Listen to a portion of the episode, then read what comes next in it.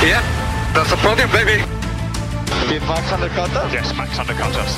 Certainly we have it. Certainly we have it. Yes, we have it. Good job. מה קורה, חברים? ברוכים הבאים, בוקר טוב, ערב טוב, לילה טוב, תלוי מתי אתם מקשיבים לפרק הזה. מה העניינים, עמית? וואי וואי וואי, אוריאל, הגשם הזה לא תופס אותי מוכן. שמע, אני לא מוכן אליו. למה, לא, למה, יצאת לפה על slicks? מה זה על slicks אחי עם safety car בדרך? מה זה הדבר הזה? אה, עם פקקים קצת, זה זה טוב. פקקים.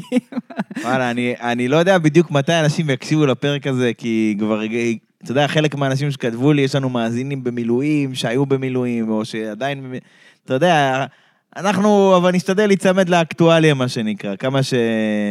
כמה שאפשר. אני אני חייב לספר לך משהו לפני זה, אוריאל. סקופ רציני. נו, בפנים האנליטיקה ראיתי שבעזה התחילו להאזין לנו. אין, סופית. אהלן וסהלן, איזה יופי, יש לנו מאזינים בנוסירת עכשיו, איזה יופי, ברוכים הבאים. יאללה, הקונספציה של הפודקאסט, מזרח תיכון חדש. אלון בן דוד מאחוריך, אנחנו עוקפים אותך בסיבוב, זהו. טירוף, אחי, טירוף. גם נדב אייל, כל אלה איך חפשו אותי, עכשיו הפודקאסט שלנו יהיה גם מזרח תיכון, איזה זהו. טירוף, אחי, מה זה, המזרח תיכון, אתה- זהו. אז חבר'ה, אה, ברוכים הבאים לגלובוס, אה, פודקאסט גיאופוליטיקה ווולנס. עוסק בלייפסטייל, בלוגינג וזה, כן. טוב, יאללה, בוא, בוא, בוא נתקדם. מה, מה אנחנו בעצם, אה, למה, למה התכנסנו כאן היום? למה מה אנחנו רוצים בעצם להגיד? אנחנו טיפה רוצים לסכם את העונה האחרונה, את 2023, לא בצורה של, אתה יודע, אנשים אוהבים לעשות כל מיני טבלאות ודירוגים ועניינים וזה. בשבילי, אני כאילו, כשאני מקשיב לדברים כאלה, אני מאבד עניין אחרי שלוש דקות. אז כאילו, כמו תמיד, אתה יודע, נעשה את זה בדרך שלנו, אנחנו... כדי שתבינו, ננסה טיפה לחזור לדברים שאמרנו בתחילת השנה, אה, בתחילת השנה ב- הלועזית, כן. כאילו, לצורך הדוגמה. כן. שפרקים שעשינו קצת לפני תחילת העונה. קצת, גם דברים שאמרנו באמצע העונה, אבל כאילו כל מיני ציפיות שהיו לנו על דברים שהולכים לקרות ואיך שהם הולכים להיות, וטיפה נחזור על זה, טיפה נצחק על עצמנו, אה, כמה זה היה מדויק או, או שלא. שנצחק על עצמנו, או שנצליח להיות ג'יני, אחי, זה... אה, לא יודע, תגיד לי אחר כך. כן. זה יהיה בחלק ה... בעצם הראשון של הפרק. בחלק השני של הפרק, מה שאנחנו נעשה, אנחנו גם... כאילו, כל הפרק הזה הוא סוג של rewind, הוא סוג של חזרה אחורה כזה בזמן. בחלק השני של הפרק זה באמת יהיה ה-rewind עצמו, אנחנו טיפה... אתה יודע, נשאל את השאלות האלה של האם הדברים, האם זה בעצם עומד בציפיות שלנו, לא ברמה האישית, ברמה של האם התקנות מוכיחות את עצמן, האם באמת התחרותיות נפגעה כמו שאנשים טוענים, התחרות יותר, יש המכונות יותר תחרותיות, הסבב טיפה יותר תחרותי, או ש... או שאתה יודע, או, ש... או שלא. כן. וגם כאילו, אתה יודע, זה סוג, של, זה סוג של סיכום בדרך קצת אחרת, אנחנו טיפה רוצים לראות איך דברים כאילו, איך העונה הזו הייתה מה, מההיבטים האלה. ת- תכלס, אה, אני רואה את זה בקטע של, דיברנו הרבה ב-2023 בהתחלה, על איך הדברים ייראו, וקצת ניסינו להבין מה הלך הרוח שהולך להיות העונה. אז נראה לי נעשה איזה rewind באמת, כמו שאמרת, לכיוון של מה באמת הדברים היו, ואיפה הם באמת התגלו, או מה, מה בסוף המסקנות שלנו לגבי זה. כן, ואז זה, בערך מה שהולך להיות, בערך מה שהרגשנו השנה ואיך דברים היו. זה, זה לא יהיה פרק סיכום עונה שגרתי, שוב, ובחלק, ה, אפשר להגיד, השלישי והאחרון של הפרק, אנחנו בעצם אה, שלחתם לנו שאלות בכל הפלטפורמות של ה... לא משנה אם זה בפייסבוק או בדף אינסטגרם של, של הגריד, או, או בטוויטר שלי, בכל מיני מקומות כאלה, ואנחנו נתייחס אה, בהרחבה לחלק מהן. ולאלה שלא נתייחס, אז אנחנו מבטיחים להתייחס אליהן בהמשך. האלה שלמשל שנשאלו באינסטגרם, יכול להיות שאני פשוט אענה עליהם בסטורי, או שנענה עליהם בפרק אחר. אבל מבטיחים, לא נשכח, לא. נענה על הכל. ממש לא. אז יאללה, בוא נצלול לדבר הראשון, השמעה חוזרת. כן, יאללה, אז... בוא נשמע בוא את החלק הראשון. יאללה. אבל את האמת, אה, אם אנחנו מדברים על פלופים, השאלה אם לוגן סרג'נט זה הגוטיפי החדש. לא, לא יודע, אנחנו נראה, נראה. בוא נראה כמה פעמים הוא רסק את האוטו בבחריין. נו, מה אתה אומר?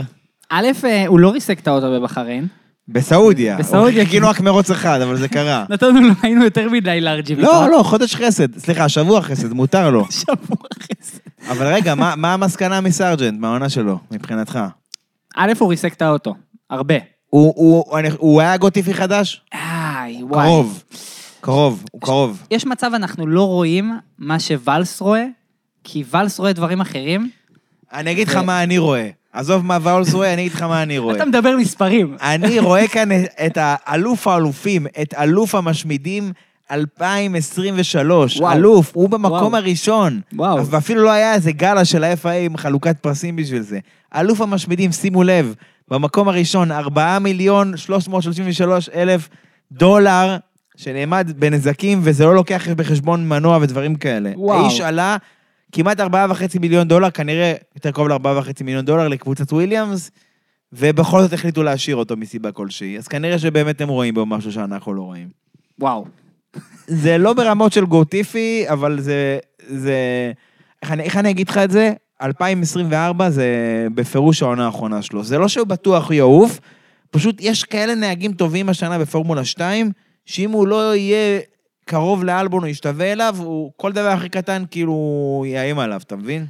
אני לא יודע אם מנטלית הוא מוכן לעונה הקרובה, אין לי מושג. אין לו ברירה, הוא קיבל צ'אנס אחרון, הוא חייב להוכיח את עצמו. כן. אחרת הוא בחוץ, זה לא... זה אף אחד לא ייקח אותו אחרי שהוא לא הצליח להשתוות לאלבון וויליאמס. אם הוא יעשה את זה עוד פעם מהעונה, אף אחד לא ייקח אותו אחר כך, זה, אף אחד לא צריך את זה. יש לך נהגים מטורפים, אה, כמו שאמרתי.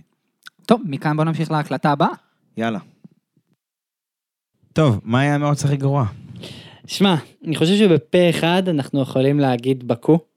כן, כ- כן, כן, כן, כן. וואלה, אני לא מסכים איתי. היה מרוץ יותר גרוע, העונה. איזה, מה מה השתנה מאז החצי הראשון של העונה? מקסיקו היה פשוט מרוץ שעמום. שעמום. כאילו, תשמע, הוא מרוץ תמיד משעמם, למרות שהמסלול בסדר ויש אווירה טובה ואני אוהב את הקהל שם, אבל המרוץ כאילו תמיד גרוע שם איכשהו. אבל השנה זה היה טוב. מה זה טוב? לא איזה קלאסיקה, עוד שנתיים אתה לא תזכור את זה, אני מבטיח. אבל כאילו, יח... הכל, יחסית ל... ל... הכל יחסית בחיים, נכון? הכל יחסי. יחסית למקסיקו זה היה טוב, יחסית למרוצים אחרים הוא היה גרוע. בשבילי נגיד ספא היה פחות uh, טוב, כי למרות שהיה מלא מלא גשמים ותנאים משתנים וזה וזה, אבל בפועל המרוץ היה משעמם, כי הוא לא היה בו איזה משהו... יותר מבקו מבחינתך? מה זה יותר מבקו? בקו לפחות היה לך עניין, פתאום היה, אה, לקלר היה בפול, נכון שבאת, וה- והמכות עם אה, ג'ורג' ראסל וכל הדברים האלה, כאילו... כאילו שאתה חושב על זה בדברים בדיעבד, אז אתה אומר, טוב, לפחות יש איזשהו אירוע שהוא זכיר, משהו שאתה אומר, עוד שנתיים, אה, אה, אה, אתה יודע, ורסטאפן כמעט שם רסיה לראסל, סבבה, אני אזכור את המרוץ הזה. לא מרוץ משוגע, אבל אני זוכר את הקטע הזה, אתה מבין? לא, כן, כן. אני מבין, גם מקסיקו, כמעט פרז איבד את הקריירה שם עם, אה, לקלר, עם הפנייה המפגרת. לגמרי. אה, לא, אני קטר, קטר, בשבילי קטר היה גרוע. כאילו, מה זה גרוע? זה, זה מסיבות אבל אחרות, כי כזה קטר זה השביעי באוקטובר, כאילו... משהו ב... זה כל כך, זה כל כך, סליחה שאני אומר את זה ככה, אבל זה, כי אתה יודע, אנחנו לא כל כך משלבים את הדברים האלה כל כך, למרות שלפני רגע קראתי פה תיגר על, על אה, נדב אייל ואלון בן דוד, כן. אבל אני אומר, זה, זה שילוב של... גם זה קרה בשביעי באוקטובר, וגם המרוץ בקטר, שזה כאילו, מה, זה, זה משרד החוץ של חמאס, אחי, זה דוברות חוץ שלהם. כאילו, זה, זה היה צורם כאילו אחד על אחד כזה, אתה מבין? כן. עכשיו, זה גם זה, וגם שהיה שם התנהלות, סליחה על הביטוי, מחורבנת, כאילו, בלי קשר לכל מה שקרה, גם אם לא היה קורה מה שקורה מבחינה ביטחונית במדינה, זה כאילו, כל הקטע עם הקרבים, ובלי קרבים, ועם קרבים, וכל השטויות האלה של ההחל- ההחלטות, ההוראות שעה האלה, אתה יודע, שהיה לנו השנה בלי סוף, זה כאילו היה לי עקום כזה. אתה יודע מה? הוא לא הכי גרוע, אני חושב שהיו יותר גרועים. מיאמי, מיאמי היה גרוע בשבילי. המאמן הנוראי. מיאמי היה גרוע כי, קודם כל, מבחינת ורסטאפן כמרוץ, זה מרוץ מטורף שלו. כי הוא, הוא זה, זה באמת הגיע מהסוף, עקף את כולם, כולל את פרץ, ניצח. הישג מפחיד שלו כן. כנהג, כן? זה באמת היה רמה אחרת, אין מילה. כל, ה, כל השבחים מגיעים לו. אבל, אבל כמרוץ, לנו כצופים, וזה משהו שאולי אני רוצה לחזור אליו בהמשך הפרק על העניין הזה של מה מעניין לנו כצופים, זה לא היה מעניין לנו כצופים. כי לא היה אתגר כל כך, אתה מבין? וכשאין אתגר כל כך זה לא מעניין. כן. ואולי זה משהו שנחזור אליו בהקשר גם של החבר'ה של רדבול, האוהדים של רדבול, וגם של האוהדים של קבוצות אחרות. כאילו, מה אנחנו רוצים לראות? כי זה גם משהו שאני רוצה שנדבר עליו. מה אנחנו רוצים לראות בשנה הקרובה? מה אנחנו רוצים לראות בשנים שיהיו, כאילו, זה גם עניין. אני, מסכים איתך, ואני אגיד כזה לסיום, שמיאמי זה היה אפילו איזה קריאת, קריאת תיגר לגבי איך נראית העונה. כי פשוט ורסטאפן היה במקום אחר. כן, כי פרז זה בדיוק הנקודה שהוא, איך אומרים, הוא התפרק בדיוק, בה, ו... בדיוק. והוא לא הצליח להתאושש משם, עד לשלבים המתקדמים של העונה. בקטר הוא עשה שטויות, במקסיקו הוא עשה שטויות. כאילו, בוא נגיד את זה ככה, אם לא היה לו חוזה לשנה נוספת, לא ש Red Bull מפחדים מלחתוך אנשים לפני הזמן, ב- ב AlphaTauri היו ארבעה נהגים העונה, נו באמת, נו, זה, זה לא, זה לא באותה מכונית, כן? אבל... כן. אני אומר, כאילו, זה לא שהם מפחדים, אבל אני אומר, אם, אם החוזה של פרז היה נגמר העונה, ולא היה לו חוזה גם ל-24, אני לא חושב שהיו מעריכים לו, זו, זו הדוגמה שאני נותן. הבנתי אותך. כי אני מרגיש כאילו, טוב, כבר אמרו, גם ככה פתחו עלינו שאנחנו זה, טוב, קח, תסיים את החוזה שלך. ועכשיו לכולם, כולל לפרס, ברור ש-2024 זה השנה האחרונה שלו פה, פחות או יותר בסבב. כן, בואו נמשיך ל... מפה להקלטה הבאה. אה, ואפילו, אני מקווה לאיזה מנצח מפתיע, או איזה, מנ- אתה יודע, זו קבוצה שתפתיע אותנו פתאום משום מקום. באחד המרוצים היותר יהודיים, במונזה או בסינגפור, מקומות כאלה. וואו. יאמר לזכותי שלפחות בסינגפור פגעתי, במונזה הייתי קרוב, כן. היה קרב מטורף, כמעט סיינס ניצח גם שם, או לקלייר לצורך העניין. שמע, אה, אולי זה לא משהו שאנחנו מתייחסים אליו כל כך, אבל אני חושב שלדעת רבים, סינגפור היה המרוץ הטוב ביותר העונה, וזה בדיוק, אם שנייה נחזור 30 שניות אחורה, זה בדיוק מהדברים שאתה רוצה לראות. נכון. התוצאה לא הייתה צפויה.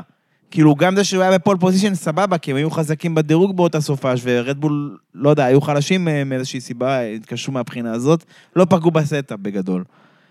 אבל זה גם כאילו, הוא היה צריך להילחם על, על הניצחון שלו, והוא עשה דברים כל כך חכמים מבחינה טקטית, ולתת לתת לנוריס DRS, ו, ואתה יודע שמרצדס היו עם צמיגים חדשים, וכולם חשבו שהם יעקפו אותם. מה שנקרא, העולמות של הבלתי צפוי, זה משהו שאנחנו רוצים לראות. כל אירוע ספורטיבי, לא רק מרוצים. כן. אם עכשיו היית רואה אה, משחק כדורסל או כדורגל של קבוצה שהיא דומיננטית או משהו כזה, ואתה יודע שהיא בטוח תנצח, עכשיו, אני יודע, זה קצת שונה, זו השוואה לא כזה נכונה, אבל זה לא מעניין. אם אתה כבר יודע שהם ינצחו אותם 3-0 או 2-0, אז בסדר, הם ינצחו אותם. אם אתה אוהד את הקבוצה, זה משמח אותך. אבל אם פתאום הם מפסידים, הופה. אני אתן לך דוגמה הכי פשוטה. במונדיאל, בתחילת הטורניר, ארגנטינה הפסידה לערב הסעודית, אתה זוכר את זה? מי ציפה לזה? נכון. נכון, זה היה בשלב הבתים או משהו, זה לא היה אחרי זה שמינית או חצי, או זה לא הדיח את ארגנטינה, ברור שהם בסוף זכו, אבל... תשמע, זה ההפתעות שאתה רוצה לראות ברמה הספורטיבית, ההפתעות זה, זה משהו שהוא חיובי. כשהן מגיעות בצורה אורגנית, בצורה טבעית, לא שאתה מחייב אותן. אני אוסיף לזה, ורק אציין שזה לא היה סתם הפתעה, היה לנו ארבעה נהגים שיכלו להתחרות על הפודיום ואפילו על ניצחון. מה זאת אומרת? עד מתי היום יש פעם אנשים... אחרונה היה לנו את זה? עד, לא היום יש. אנשים שטוענים, שגם אני טענתי את זה בזמנו לדעתי, אולי, אולי לא תבדקו אותי בהיסטוריה, שאני חושב שהמילטון יכל לנצח במרוץ הזה. אם הם היו משחררים לו את ראסל וכאילו, אתה יודע, הוא, זאת אומרת, הוא, היה, לו, היה לו את הפייס. ראסל סיים בקיר. נכון, לא, לא, אני מדבר אם הוא היה כן, עוקב את ראסל. כאילו, היה לו, היה לו יתרון גדול על ראסל מבחינת הקצב כן. בעניין הזה, אבל שוב, לא ניכנס לעולמות האם ואם, פשוט נקודתית המקרה הזה. יאללה, להקלטה הבאה. אז מבחינת אה, rookies דיברנו שדבריז פחות עבד לנו, לוגן סרג'נט, מה שנקרא, יש לך שיעורי בית לחופש, ופיאסטרי כאילו, רק תמשיך איפה מאותה נקודה, מכאן אפשר רק לעלות, מה שנקרא. כן. שמע, אני חייב לציין שזה כל כך מדויק, ואפילו פיאסטרי ניצח בספרינט, שזה... אי אפשר, אי אפשר לדייק יותר. והוא כאילו. מ- מאז הוא ניצח בספרינט והגיע לפודיום אה, גם, מה שנקרא, לא באמת פודיום אה, בספרינט וגם פודיום אמיתי בסוזוקה. זאת נכון. אומרת, הוא הספיק לסמן וי על כל הדברים האלה, שעל אחד מהם אה, אפילו נוריס אפילו על זה לא סימן. ונוריס, אתה יודע, כבר הופך לאיזה בדיחה כזו שהוא חייב לנצח כבר מתישהו. הוא לא באמת בדיחה, כן, הוא נהג כישרוני מאוד, אבל זה כאילו איכשהו כנראה צורם לו כנראה. אבל לגמרי, זה גם, שמע, זה השילוב של ההצלחה של הקבוצה שעלתה, ולא ידענו את זה כזה בחצי העונה, זה היה עדיין לא ברור. ברור, כשאנחנו, כשאנחנו עשינו את, ה, את הפרק של בקו, מקלרן היו טרקטור. זה לא היה, זה כאילו, זה... הקפיצה שמקלרן עשתה עונה, אנחנו, חבל שאנחנו לא מתייחסים ספציפית אליה הפרק, אבל זו קפיצה שפשוט, בפירוש, לא קורית. היא לא קורית בעידן שלנו, היא לא קורית בעידן של הגבלות תקציב, היא לא קורית בעידן של... אין מה לעשות. אתה, אתה, צי- אתה צריך להגיד לך את זה, אתה יודע שפרארי ומרצדס עם השינויים שהם עשו העונה, הם כל העונה התחרו עם... הם שינו, מה שנקרא, קונספט באמצע העונה, כל העונה, או חצי, יותר מחצי עונה, הם התחרו עם מכונית שהיא לא אידיאלית. למה? כי הם לא יכולים לעשות את השינויים שהם רוצים. ולמקלרן הייתה פלטפורמה טובה, אז מה כאילו צריכים לעשות התאמות לפלטפורמה הזאת? אבל לא משנה, אנחנו כאן כדי לדבר ספציפית במקרה הזה על הנהגים. אני חושב שפיאסטרי, שבחצי השני של העונה, נכון, בחלקים המתקדמים יותר של העונה, בארצות הברית, במקסיקו, באבו דאבי, אפילו שהוא הצליח להקדים את נוריס בדירוג, נוריס היה יותר חזק במרוץ, אבל עדיין אי אפשר לקחת ממנו כלום, אני חושב שזו עונת רוקי בין הטובות שהיו. לא משנה כרגע, אנשים ישוו את זה לעונה של המילטון ב-2007, ברור, ניקוד שונה, עזבו את זה. תקופה אחרת גם, היה להמילטון קילומטראז', זה שונה. אני חושב שהוא בק... יכול ללכת הביתה, מה שנקרא, עם ראש מורם, הייתה לו עונת rookie מצוינת. בטח אם אתה משווה אותו ללוגן סארג'נט, בטח אם אתה משווה אותו כאילו, אתה יודע, לניק דה וריז, ה rookie המנוסה, בטח אם אתה מש- משווה אותו להרבה נהגים. הוא, תשמע, הוא קרוב, השתווה, ולפעמים גבר על לנדו נוריס, אחד הנהגים הכי טובים ב grid, ללא... אה, שאין בכלל שאלה לגביו. כן, מסכים איתך לגמרי. אז כמו שאני אני דבק בקטע שאמרתי באמצע העונה, מכאן אפשר רק לעלות. אני מאוד, מה- הוא אחד הנהגים שהכי מעניינים אותי לשנה הבאה. נראה איך הוא, לעונה הקרובה לצורך העניין.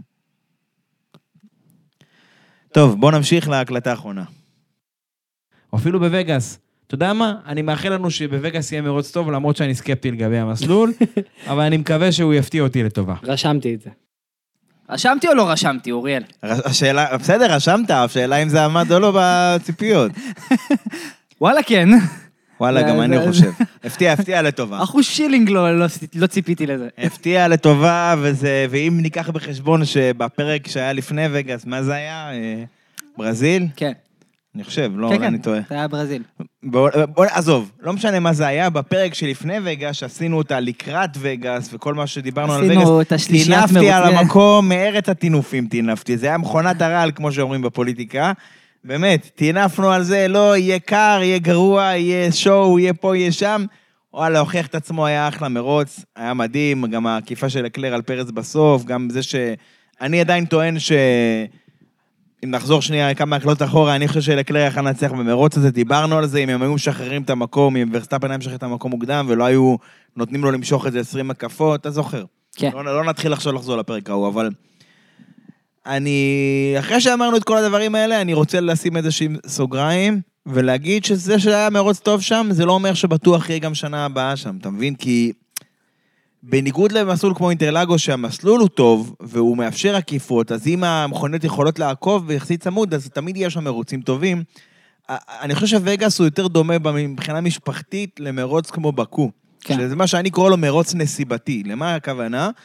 שאם הכוכבים מסתדרים, שאם קורה איזה משהו, אה, אירוע קיצוני, אז זה הופך את המרוץ למעניין. בבאקו, אם פתאום מישהו נכנס בטירה ההיא ויש לך דגלים אדומים ו safety cars, אז המרוץ הופך למעניין. אבל אם המרוץ הוא נקי ואין אף safety car בבאקו, זה לא בהכרח המרוץ הכי מעניין, אתה מבין? כן.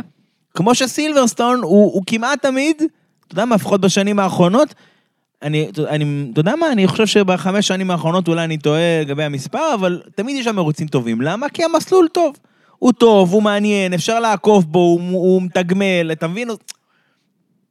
זה משהו בטיב של המסלול, משהו ש, שהוא לא בהכרח תואם, או אחד לאחד עם המסלולים החדשים, המסלולים שמתוכננים לסבב הזה, כי, כי מה לעשות, העניין המסחרי הוא באמת משחק תפקיד מרכזי, וכשאתה בוחר היום מסלול, זה לא בהכרח כדי לבנות את המסלול הכי טוב, הכי תחרותי, הכי מעניין, זה בוא נלך למישהו מוכן להשקיע את הכסף, או בלוקיישן שיהיה מעניין, שיצטלם טוב. סליחה שאני אומר את זה בצורה כזו שטחית, אבל מה לעשות, אלה הם השיקולים. כי כשחשבו על מרוץ בווגאס, לא חשבו בוא נעשה איזה פנייה משוגעת שתיזכר לדורות. לא, חשבו בוא נעשה את הישורת על ה strip. נכון. איזה מגניב זה יהיה בלילה על ה strip ויראו את כל האורות ונזמין איזה כמה מפורסמים עם הלבנת שיניים ונזמין את MKBHD שיעשה סרטון הכי מכור למרות שיש לו מיליארד וחצי סאבסקרייברים הוא יעשה סרטון כאילו יוטיובר של 100, 100 רשומים אחי. היית מביא את אלון גריני הוא עושה את זה יותר טוב. כן, תראו, אני, אני לא רוצה לפרגן לקבוצה ספציפית, אבל הספונסר של פרארי אה, הזמין אותי, אז אני אזכיר אותם 95 פעם בסרטון או משהו כזה, כאילו, אחי, אתה יוטיובר, מה, אתה יודע, מהרווחים שהוא עושה בחודש, הוא קונה איזה ארבע טסלות, אתה יודע, הוא נכנס איתן בעץ, משאיר אותן שם, יאללה, לא משנה, קוסומות, אתה יודע, הולך, מביא עוד אחת. לא אכפת לו, אחי. לא, כאילו, עזוב, לא משנה, זה, זה, זה רנט ליום אחר. בכל אופן, וגאס היה מצוין, ונקווה שימשיך ככה. אה, אוריאל, אני חייב לציין שעשינו כאן שמיעה חוזרת, והרבה מהדברים אתה צדקת. אה, כן, יפה, אני שמח על זה. זה, הפלקס שלי, עכשיו אני יושב בבית כולי מלא באגו כזה, מה אני אעשה עם כל האגו לא, הזה? אני חושב משהו אחר, לקראת. פרק 2024, נו. פתח כדור בדולח, תתחיל לתת לנו לא, לא, דברים. מה פתאום, עכשיו פתחת עליי, עכשיו אני אנחש כזה, אה, זה, סרג'נט לא יגמור את השנה, ואז הוא פתאום יזכה באליפות, יעשה לי נאחס כזה, אתה יודע. לא, לא, לא, בוא, אני מציע שנעצור כאן, איפה ש... איפה ש... אה, איפה ש... מה שנקרא בטוב, נעצור פה ונמשיך פעם אחרת פשוט. טוב, אוריאל, נראה לי מפה ניקח את זה לחלק השני של הפרק, ומפה נעשה איזה rewind קצר של אה, עונה 2023, דברים שאנחנו רוצים לדבר עליהם, במיוחד החלקים שעבדו או לא עבדו וציפינו להם בעונת 2023. אוקיי. אה, אז נראה לי אחד הדברים שחייבים לפתוח איתם, זה שנה שלמה ב-F1 TV, שזה כן, אירוע. כמעט שנה, נכון. כן, זה באמת אירוע. זה בשורה. זה, זה, זה בשורה. אירוע, זה בשורה של ממש, זה אירוע גדול. במי שככה אולי לא, לא מכיר, לא שמע, לא ראה איכשהו, או שהוא חדש וזה, בעצם ה, ל... יש שירות סטרימינג רשמי של הספורט שנקרא F1 TV, שמאוד יצירתי, מעביר את המסר. חשוב, כן, זה שם פשוט, לא, לא הסתבכו. כן. בקיצור, אה, השירות הזה, הוא לא היה זמין בישראל, והשנה, או, או לקראת העונה הקודמת, בעצם אה, היו אינדיקציות לזה שהוא יהיה זמין בישראל, קצת שלחנו להם הודעות, שאלות, ומסתבר שהוא אכן אה, הצטרף, וזה נתן לנו לראשונה אי פעם, למעשה, אלטרנטיבה חוקית, פרט לשידורים אה, של ערוץ הספורט, לצפות ב... בשידורים של הסבב הזה, ו- ובאנגלית, ויש הרבה אנשים שאוהבים לעשות את זה, כי יותר מתחברים לשדרנים, אה, עם כל הכבוד לשדרנים שלנו פה בארץ, אה, יש כבוד, אנשים אוהבים אותם, מעריכים אותם, אתה יודע, האנשים האלה החזיקו את הענף שנים פה, אבל אה, יש אנשים שהתחילו את דרכם מראש כאילו שהם צפו בדברים מחו"ל, אז זה היה נחמד שיש פתאום אלטרנטיבה לראות את זה. כן. איך אתה מסכם את השנה שלהם ברמה האישית שלך, כאילו? בוא נגיד. וואו, אני, אני חייב לציין שאני אחד מהאנשים שלא צופה כמעט בכלל בלייבים, מהמם. מערוצים בלייב. כן. אה, אני חושב שהרבה אנשים ככה. כן, כי זה לא מסתדר עם השעות, יום ראשון זה יום לחוץ בדרך כלל בעבודה, ולא לא הכי קל אה, להביא את ה... עזוב, אני לא יודע, אני לא יודע מה איתך, אבל אה, תראה, בוא נגיד, כל הליגה האירופי, יום ראשון בשעה ארבע או משהו כזה, זה כאילו שעות כזה שלא, אחי, באמצע היום כזה. כן, אז אם אנחנו מזכירים מונדיאל, אז אה, יחסית נוח, כי שלבי הבתים וזה, אז נחמד, אתה יודע, אתה רואה בזמן העבודה. אבל כשזה פורמולה 1, ואתה רוצה להיות בפנים זה ולראות מרוץ כזה על אמת, אז אתה לא תפתח מסך אה, שני בעבודה ותתחיל לראות כן, כזה כי, חצי עין. גם, אתה יודע, אף אחד לא רואה, פורמולה 1 זה ספורט שבניגוד לכדורגל, אתה... בכדורגל, אם היה לי עכשיו בר, הייתי יכול לשים אה, את המשחק ולשים אותו אפילו על מיוט, ועדיין אנשים היו רואים את זה. כי, כי מעניין אותם ההתרחשות על המגרש, לא בהכרח הפרשנות של, ה, של הפרשן והשדרן. ובפורמולה, בניגוד מוחלט, זה משהו שכאילו מן הסתם למדנו על בשרנו במפגשי צפייה למיניהם, הסאונד הוא חשוב עד מאוד, כי אתה רוצה לשמוע את הטים רדיו, כי אתה רוצה לשמוע את ה... תוך כדי את, אה, לא- נגיד, טד קרביץ, או מי שזה לא יהיה, או קרופטי, או כל מי שאתה לא מקשיב לו, כל מיני, איזה ערוץ שאתה לא תבחר. וכאילו, כן, אני מסכים איתך, זה כאילו ספורט, גם כשאתה רואה את המרוץ, גם אם אתה משלים את התקציר המורחב, וגם אם אתה גם תקציר המקוצר, רוב האנשים הם רואים את זה עם סאונד, הם רוצים לשמוע מה היה, כי יש פרשיות, זה מה שיפה בספורט שלנו, שיש סיפורים, יש דברים מסביב, יש אנשים. זה לא רק כאילו הפעילות הספורטיבית של עצמה, יש הרבה מסביב, מלפני ואחרי הפעילות הספורטיבית בעצמה, ושלא לא כוללים אותה בעצם, זה מה שיפה. כן. ובנוסף לזה, אני חייב לציין את התוסף אה, אה, מולטי-ויואר. כן, זה תוסף פרטי אבל, זה כן. לא קשור ל-F1 TV. כן, זה לא קשור ל-F1 TV, אבל מאפשר בסוף בחינם להשתמש ב-F1 TV ולקבל הרבה יותר מסכים והרבה יותר אופציות, שזה בכלל חוויה אחרת לחלוטין. לא, כאילו- לגמרי, אני מסכים איתך. אני, אני חושב שגם מהדברים שלך די מתפרש שאתה מרוצה מהשנה הזאת איתם. מאוד, מאוד מאוד. אני גם, אני חושב שאפשר לסכם את זה טובה. לא היה לא, בקט- לטובה, לא היה להם איזו השקה עקומה עם מלא באגים, מלא, הכל עבד מההתחלה ועד הסוף, עובד ב, באמת כמו שעון. אה, וזהו, ועכשיו הם קצת העלו מחירים בעולם, אני חושב שאצלנו הם עוד לא העלו אותם, יכול להיות שהם לא יעלו בינתיים, אז מי שרוצה לעשות מההתחלה שיעשה עכשיו, או שרוצה עם אה, מייל אחר, מי שרוצה לעשות, תקבל איזה הנחה של מתחילים או משהו כזה. וזהו, ואני מקווה ש... שזה רק ימשיך ככה, ואולי בהמשך גם, גם אם יעלו מחירים או לא, אני מקווה שגם יביאו 4K ודברים כאלה, כי זה יכול להיות נחמד. כאילו, בוא נגיד עכשיו אי אפשר בלי כזה. כן. אם אתה אומר לי עכשיו, תשמע, מבטלים את השירות בארץ, זה כזה מבאס, אתה מבין? כי כבר התרגלת למשהו טוב, אבל... אה, אני אוסיף עוד נקודה מעניינת שהייתה לי ממונזה, ה-2022, אה, שהייתי במרוץ, בסוף היה את כל הסיפור עם הסייפטי קאר, ושסיימו את המרוץ מוקדם, אז לא היה ברור בכלל מה הולך, אה, בזמן שהייתי ב... פיזית במרוץ. פיזית במרוץ. אוקיי. ודווקא כששמתי F1 TV, ורק שמתי עם האוזניות להבין מה הסיפור, אז זה פתאום נתן פרספקטיבה אחרת על המרוץ, והצלחתי להבין דברים שלא יכלתי להבין לפני. אה, וכ... בלי קשר, ככה הצלחתי לרוץ אה, מהר לטיפוסי ולתפוס מקום טוב אה, בפודיום.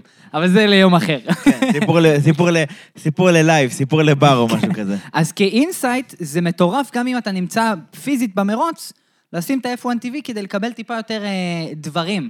מה זה, יש אנשים, עזוב פיזית במרוץ, אני מדבר איתך, לך איתי יותר פשוט. במפגשי צפייה שעשיתי פה בתל אביב, לא במונזה.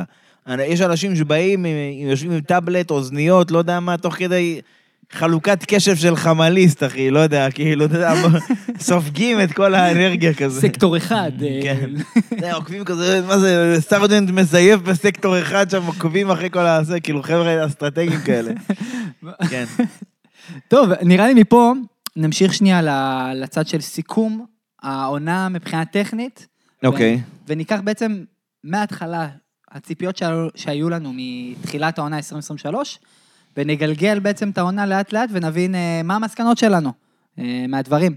אז אה, דבר ראשון, בואו נתחיל מהגבהת המכוניות, ובכלל ה, אה, העולם הטכני, אה, ש, שבעצם אה, התחלנו איתו את 2023. אוקיי, אז סבבה, אז אה, לא חשוב, רציתי שתיתן לי איזשהו רקע פה, אבל אני אזרום. מה שרציתי להגיד דבר פשוט, סבבה, אתה הולך איתי למקום של, אה, של הגבהה, סבבה. ההבדל בין 22 ל-23, היו כל מיני שינויים בתקנות בעצם. אחד השינויים, אה, ש... בוא נגיד רובם ככולם, השינויים האלה נועדו כדי להתמודד עם התופעה של הקופצנות, שהיא מאוד מאוד הייתה רווחת בגריד ב-22. אחד השינויים האלה היה בעצם שחייבו אותם להגביה את הרצפות של המכונית. עכשיו, הרצפה של המכונית, נקרא לזה, זו האינטראקציה העיקרית, הראשית עם המסלול, כל העניין של האפקט הקרקעי, מה שנקרא. אני אדבר עכשיו במונחים הכי פשטניים שאני יכול, כדי כמה שיותר לשקף לכם את זה. מה שנקרא ההצמדה, הוואקום שנוצר מהרצפה, זה בעיקר שם, אוקיי? עכשיו, ברגע שאתה מגביה את הסף של, את הסף של הרצפה מהמסלול, שאתה מג- מגביל את הגובה שהוא יכול להיות בו, אתה מקשה על העניין של היצירה של אותו אזור של ואקום. כן. כי תחשוב שאתה, עכשיו יש לך גדר טיפה יותר גבוהה, אתה, יש לך יותר סיכוי שידלוף משם במרכאות כפולות אוויר. כן. יהיה לך יותר קשה, מה שנקרא, לעשות איטום של הרצפה מבחינה של אה, אוויר. לאטום את האוויר באזור הזה ובעצם לייצר יותר ביצועים. ככל שהמכונית יותר קרובה לרצפה, היא מייצרת יותר ביצועים עד לרמה ש... כמו שראינו תופעות של קופצנות כאלה ואחרות. ועכשיו, בגלל שהעלית את זה, אה, כבר, כבר העלית את העניין הזה, אז בוא ננסה להבין אה, האם זה שינה, האם זה השפיע גם על מידת התחרותיות. אוקיי, ננסה, זה, זה, זה תהיה סוג של סקירה כזו, כן, אנחנו ננסה להבין אה, גם בהשוואה ל-22, ל-21, האם זה השפיע על מידת התחרותיות, האם זה שיפר את התוצאות, התקנות בכלל, האם הן עומדות ב, ביעדים שלהן, עצם, מעצם ההגבהה הזו ששונתה, מעצם שנה שנייה לתקנות, האם הדברים האלה מתקיימים או לא. זה מה, ש, זה מה שאנחנו רוצים, שבתקווה אה, שנסיים את החלק הזה בפרק, שאתם כאילו תבינו לכאן או לכאן, מבחינתכם, כאילו זה רק דעתנו, כן? שמגובה בנתונים, אבל זו רק דעתנו, וזה מה שהיינו רוצים שתיקחו איתכם מה, מהחלק הזה של הפרק, שתחליטו עם עצמכם האם הם אה, הוכיחו את עצמן או לא. זה, ש... זה השאלה העיקרית שאנחנו רוצים לענות עליה, האם התקנות האלה הוכיחו את עצמן או לא עד עכשיו. טוב, נראה לי מכאן, בואו נדבר uh, תכלס. מה היו התקנות ב-2022? כדי uh, ככה לסגור את הפער ולהתחיל uh, להיכנס לשאלה הזאת באמת. אה, טוב, בגדול אנחנו ננסה להסתכל עכשיו באיזשהו סקופ של שלוש שנים, מ-21 ועד 23, לכל אורך הקטעים הבאים, בסדר? התקנות של 2022 בגדול היו צריכות להיכנס אה, לתוקף בשנת 2021, אז הגיעה הקורונה, הם נדחו בשנה, קרו כמה דברים באמצע. בסוף הם הגיעו ב-22, ובעצם היעדים של התקנות האלה, שהם הם עדיין השתמרו, כי זה עדיין, אנחנו עדיין בו, סביב אותן תקנות עד סוף 25, הם בעצם שלושה יעדים עיקריים. הדבר הראשון זה לשפר את היכולות של המכוניות, בעצם מה שנקרא להקטין את אותו אוויר מלוכלך, מה שנקרא, או, או פירוש הדבר, לשפר את היכולת של המכוניות להתחרות בצורה צמודה בפניות, בישורות.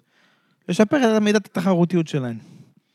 כן. כיוון שבמכונית הקודמות של 21 ומטה, כאילו המכוניות ייצרו הרבה מה שנקרא זרימה אה, חיצונית או Outwash, וזה בעצם אותו שובל היה פוגע במכונית של מלפנים, וזה היה אה, פוגע באופן מהותי ביכולת, באווירודינמית שלה, ואז כאילו קשה לה לעקוב, המנוע שלה מתחמם, הצמיגים מתחממים, וכן הלאה וכן הלאה. כן. זה היעד הראשון.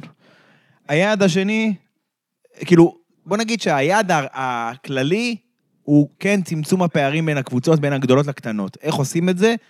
על ידי שלושה הדברים הבאים שאני הולך להזכיר. הראשון כבר הזכרתי, השני זה עניין של מגבל, מגבלת התקציב שהכילו, שזה גם, אה, אתה יודע, לשם ההשוואה, כאילו, אתה יודע, כל הקבוצה צריכה להתנהל במגבלת תקציב מסוים, מסוימת, ואנחנו תכף נדבר עד כמה זה השפיע על הקבוצות. והדבר השלישי זה, זה זמני פיתוח שהם דינמיים, כאילו סרגל כזה, בהתאם למה שסיימת ביצרנים. אוקיי, עכשיו אם אנחנו, אה, מה שאמרנו, מבחינה אווירודינמית, אה, הגבלת תקציב ואיזשהו, הגבלת זמן פיתוח. עכשיו- מבחינה, כן, סליחה? אם אנחנו מדברים על כל הדברים, כל התקנות האלו, כן. איך אפשר, אם אנחנו עכשיו מנסים לה, להביא את הנתונים ולהביא תכלס, להצליח לא- לאושש אם זה באמת הצליח או לא, אמ, על מה אנחנו יכולים להסתמך ומה הבאת? אז רגע, אנחנו מיד ניגע בזה, יש עוד איזה רגע אחד רציתי להסביר את שלושת הדברים האלה קודם. אז אמרנו, ב, ב, מבחינה אווירודינמית, איך אנחנו עושים את הדבר הזה? אנחנו רוצים, לצמצם את הפערים, זה היעד הראשי. איך עושים את זה מבחינה אווירודינמית? מסתמכים יותר, בדגש של יותר, על העניין של האפקט הקרקעי, ופחות מאפשרים להם, אה, נקרא לזה בצורה הכי פשטנית שאני מסוגל, לזרוק את האוויר החוצה ושיפגע במכונית מאחורה. יותר מנתבים אותו כלפי מעלה. מבחינה תקציבית, התחילו ממגבלה של 145 מיליון דולר, ולשם ההשוואה, אנחנו רוצים כאילו ככה לחבר אתכם לשטח. ב-2020, אחת השנים הכי דומיננטיות שלה, אולי השנה הכי דומיננטית, מרצדס בזבזה במרכאות 440 מיליון דולר כדי לזכות באליפות. ואני עוד פעם מזכיר, אליפות מאוד דומיננטית. לא כמו של רדבול ב-23, אבל הכי קרובה לזה שאפשר. הם ניצחו את רוב המרוצים. כן. בעונת קורונה שלא היו הרבה מרוצים גם. הם בזבזו פי שלוש מהתקציב שהיה מותר, שמותר להם אה, היום, אפילו יותר מפי שלוש. אז רק לסבר את האוזן, כאילו פתאום קבוצות כאלה כמו רדבול ומרצדס שרגילות לבזבז 300 ו-400 ו-500 מיליון דולר, צריכות לבזבז 130, 140 בקושי. זה הדבר הראשון. הדבר, סליחה, השני. הדבר השלישי והאחרון זה העניין של הגבלת זמן פיתוח. מה זה אומר? אתה, אתה כבר יודע שיש כאילו הזמן שבו תוכל לפתח את המכונית שלך באמצעים כמו מנהרת רוח, באמצעים כמו סימולציות, מה שנקרא CFD, אז השעות פיזית שתוכל להשקיע בזה, הן תלויות במיקום שסיימת ביצרנים. פעמיים בשנה הדבר הזה מתעדכן. מה זה נותן? בעצם, אם סיימתי אחרון, בצורה הכי פשוטה שתבינו. סיימתי אחרון, יש לי הכי הרבה זמן, סיימתי ראשון, יש לי הכי פחות זמן. עד כמובן, נכון? כן. מה זה נותן, בניגוד לשיטות כמו BOP, שזה נקרא Balance of Performance, שזה משהו שנמצא בסדרות מרוצים אחרות, שהשיטות האלה הן יותר כאילו מענישות את מי שמצליח. נגיד, זה שיטות שלמשל במרוצי סיבולת, בלהמן, כל המקומות האלה הן קיימות, ואם למשל אנחנו רואים, אה, שם נגיד הם עשו להם יעד של מספרים מסוימים שהם צריכים להגיע בדאונפורס. אם מישהו מהיר מדי, או מרגישים שהוא עקף אותם, מוסיפים לו משקולת, מוסיפים לו מכשול, מוסיפים לו, אתה מבין, הם אוכפים את זה בצורה יותר שרירותית. כן. מה שטוב בשיטה שהגו ב-F1, שנותנים לפ- לפערים להתכנס דרך התהליך הפיתוח, בצורה יותר טבעית. כאילו נותנים לבן אדם, לא אומרים לו, שומע, אני, אני אשים משקולת על המכונית הכי מהירה, לא, היא תמשיך להיות הכי מהירה, אנחנו לא צריכים להעניש הצלחה. אבל אתה כקבוצה האיטית ביותר, אנחנו ניתן לך את מירב הזמן כדי לפתח את המכונית שלך, כדי לנסות לסגור את הפער. לאורך זמן, כל זמן שלא תשנה את התקנות יותר מדי, זה הפתרון הכי טוב שיש. האם זה עובד? אני חושב, התשובה היא שכן. האם זה אומר שלא צריך לעשות שם שינויים? לא. אני חושב שעדיין צריך לעשות שם שינויים, וזה משהו שאני כן רוצה להתייחס אליו בחלק האחרון של הסקשן הזה. בואו נתחיל עכשיו למה שהתחלת לשאול אותי קודם, ואנחנו בעצם אה, נסביר, בעצם כל פעם נלך על קטגוריה אחרת, כדי לנסות להבין האם התקנות האלה בעצם אה, בין 21 ל-22 ול-23, האם הם השתפרו בדרך, יש חלק מהדברים שכן השתפרו, חלק מהדברים של קבוצה עד אחורה, נעבור עליהם ונסביר כל דבר, כל גורם כזה, מה המשמעות שלו. וכמו שאני אומר, זה כן מגובה בנתונים. אוקיי, אז איזה נתונים אנחנו יכולים להסתמך עליהם? טוב, אז הנתון הראשון שאנחנו נסתמך עליו זה פערים בדירוג. אנחנו בעצם רוצים לראות מבחינת אחוזים, מה הפערים בדירוג היו ב-21, ב-22 וב-23. אוקיי? אה, אה, עכשיו, ש-21 אנחנו מדברים על לפני התקנות. נכון. 22-23 בעצם כבר, כבר בתוך בתוך התקנות. התקנות. ש-22 שנה הראשונה של התקנות, 23 שנה שנייה של התקנות. אני אתייחס גם לזה. כן. אוקיי, עכשיו אנחנו, אה, נהוג, כאילו, בעצם מסווגים את זה באחוזים. נגיד הקבוצה המובילה הייתה, אה, דוגמה, מרצדס, אז כאילו באחוזים ממנה נגיד 0.3 אחוז אה, רדבול, אחר כך 0.4 אחוז סתם אני אומר מקלרן, וכן הלאה וכן הלאה עד הסוף. כן. ככה בכל שנה. עכשיו נהוג, ה- ה- בוא נגיד בקרב החבר'ה שעוסקים בניתוח נתונים כאלה, אנליסטים של התחום הזה, כאילו קבוצה שהיא נמצאת, יש איזה מספר זהב כזה, אחוז. אם אתה נמצא, אחוז אחד הכוונה. כן. אם אתה נמצא בטווח של האחוז אחד ביחס לקבוצה המובילה, אתה נמצא באיזשהו מחנה כזה, פעם היינו עושים מועדונים כאלה, פורמולה 1 וחצי, 20, כל הדברים כאלה. ברגע שאתה נמצא באחוז אה, הפרש מהקבוצה המובילה, אתה נמצא באיזשהו מקום, בדרך כלל, שזה מקום שאתה יכול להגיע לסיים בו top חמש, זה מקום שאתה יכול לסיים בו בפודיום הפתעה לפעמים, זה מקום שאתה אפילו יכול לנצח במרוץ אם, אם אה, הסתדרו הכוכבים והדגלים האדומים, אתה מבין? כן. זה כאילו, זה כאילו איזשהו מקום שאני רוצ... בכוונה אני השקעתי זמן כדי להסביר את זה, כי אני רוצה עכשיו לתקוף את זה בכל פעם, אה, בכל שנה שנדבר עליה. הבנתי. אז עכשיו אני, אני מסתכל איתך עכשיו על תמונה שאתם לא יכולים לראות, כי זה פודקאסט באודיו, חבל. סתם. אבל אה, עכשיו כל אלה יחפרו לי, אה, למה אתה לא עושים בווידאו? בקיצור, יש פה, אתה, אתה יכול לראות עכשיו את הגרף, הגרף הזה של שנת 2021, והוא בעצם משווה בין כל הפערים של כל הקבוצות. כן. אוקיי? עכשיו, בוא נגיד, אה, הקבוצה התשיעית, אלפה רומאו, היא 2.23 אחוז מהמובילה במקרה הזה. אחריה נמצאת קבוצת האס, שהיא כבר 3.47. זאת אומרת, ההפרש הכולל שמכסה את כל ה grid, זה 3.47 אחוז. שזה, אוקיי. שזה המון. אה, זה, זה, זה הרבה, אבל חכה, תכף אתה תגיד לי אתה אם זה המון או לא. הבנתי. עכשיו, אם אנחנו מזניחים את האס, למה? כי להזכירכם, ב-2021, אז הייתה שנת מעבר של האס, הם לא השקיעו בכלל במכונית, הם שמו את כל הביצים בסל של 2022. אם אני מזניח את האס, אז אני יכול להגיד שכל הגריד הוא ב-2.25. עד כאן בסדר? כן. זה 2021 היה, אתה זוכר את השנה הזאת. יפה, אני ממשיך עכשיו ל-2022.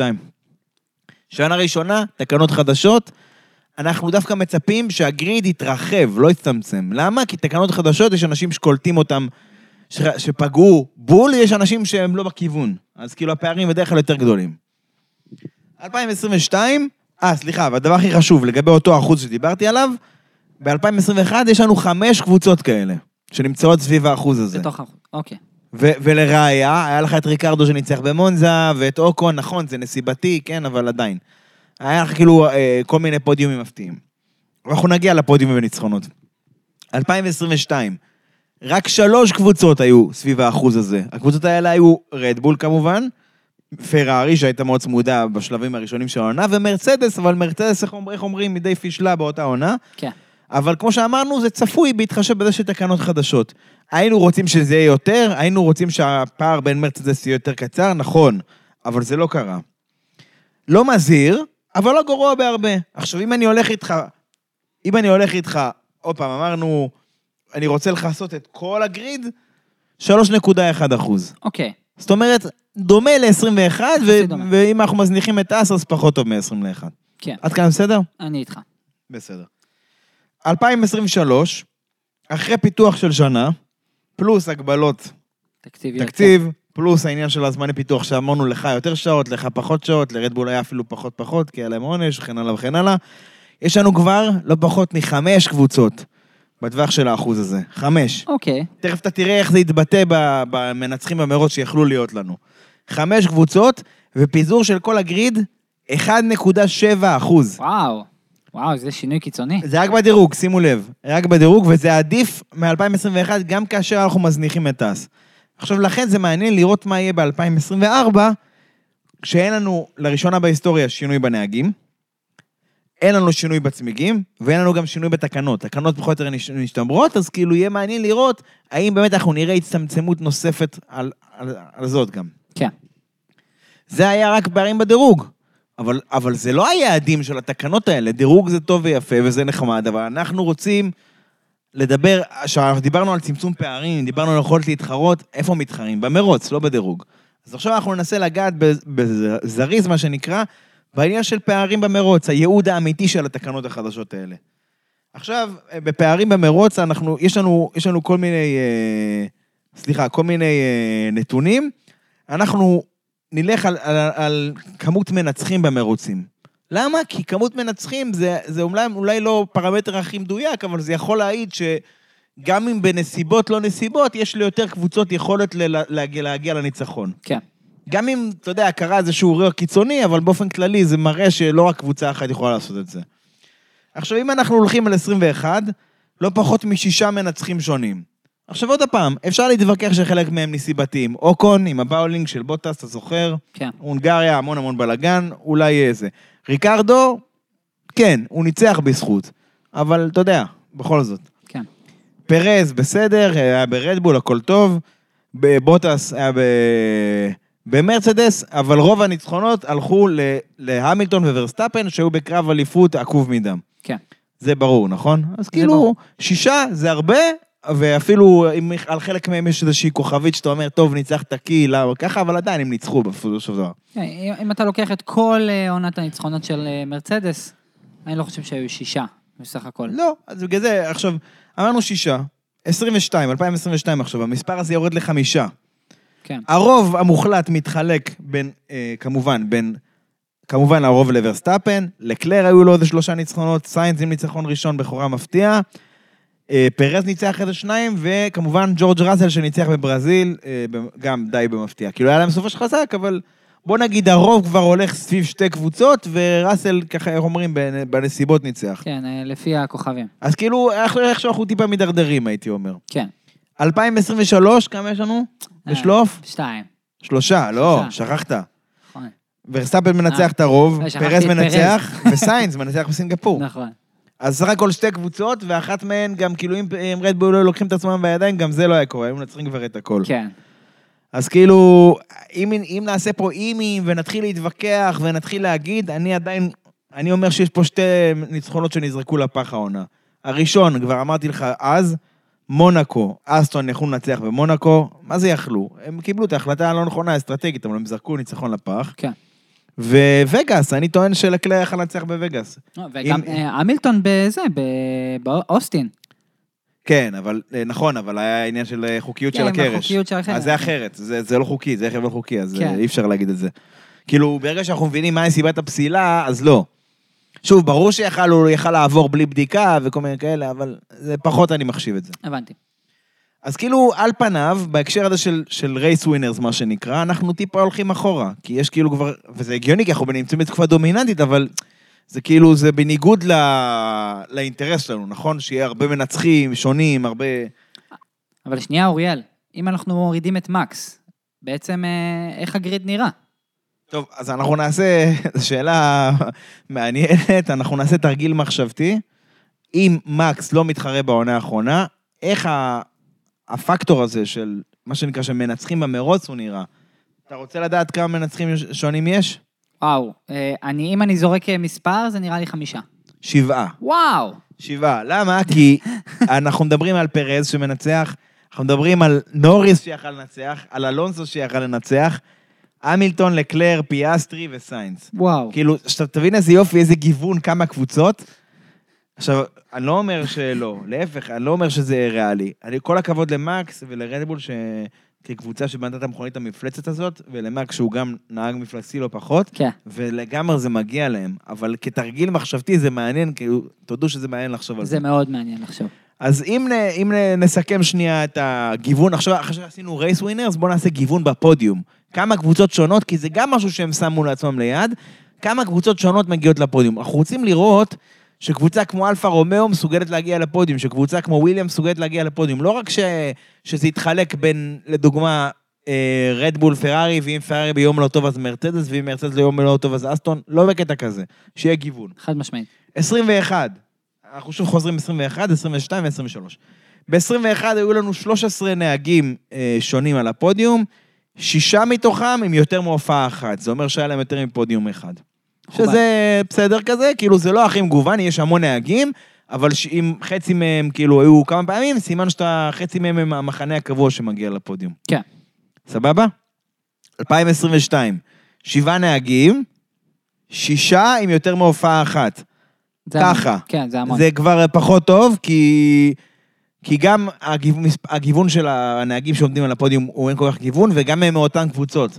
כי הם כל הזמן על הפודיום, אז סימן שאין כל כך גיוון בעונה הזאת.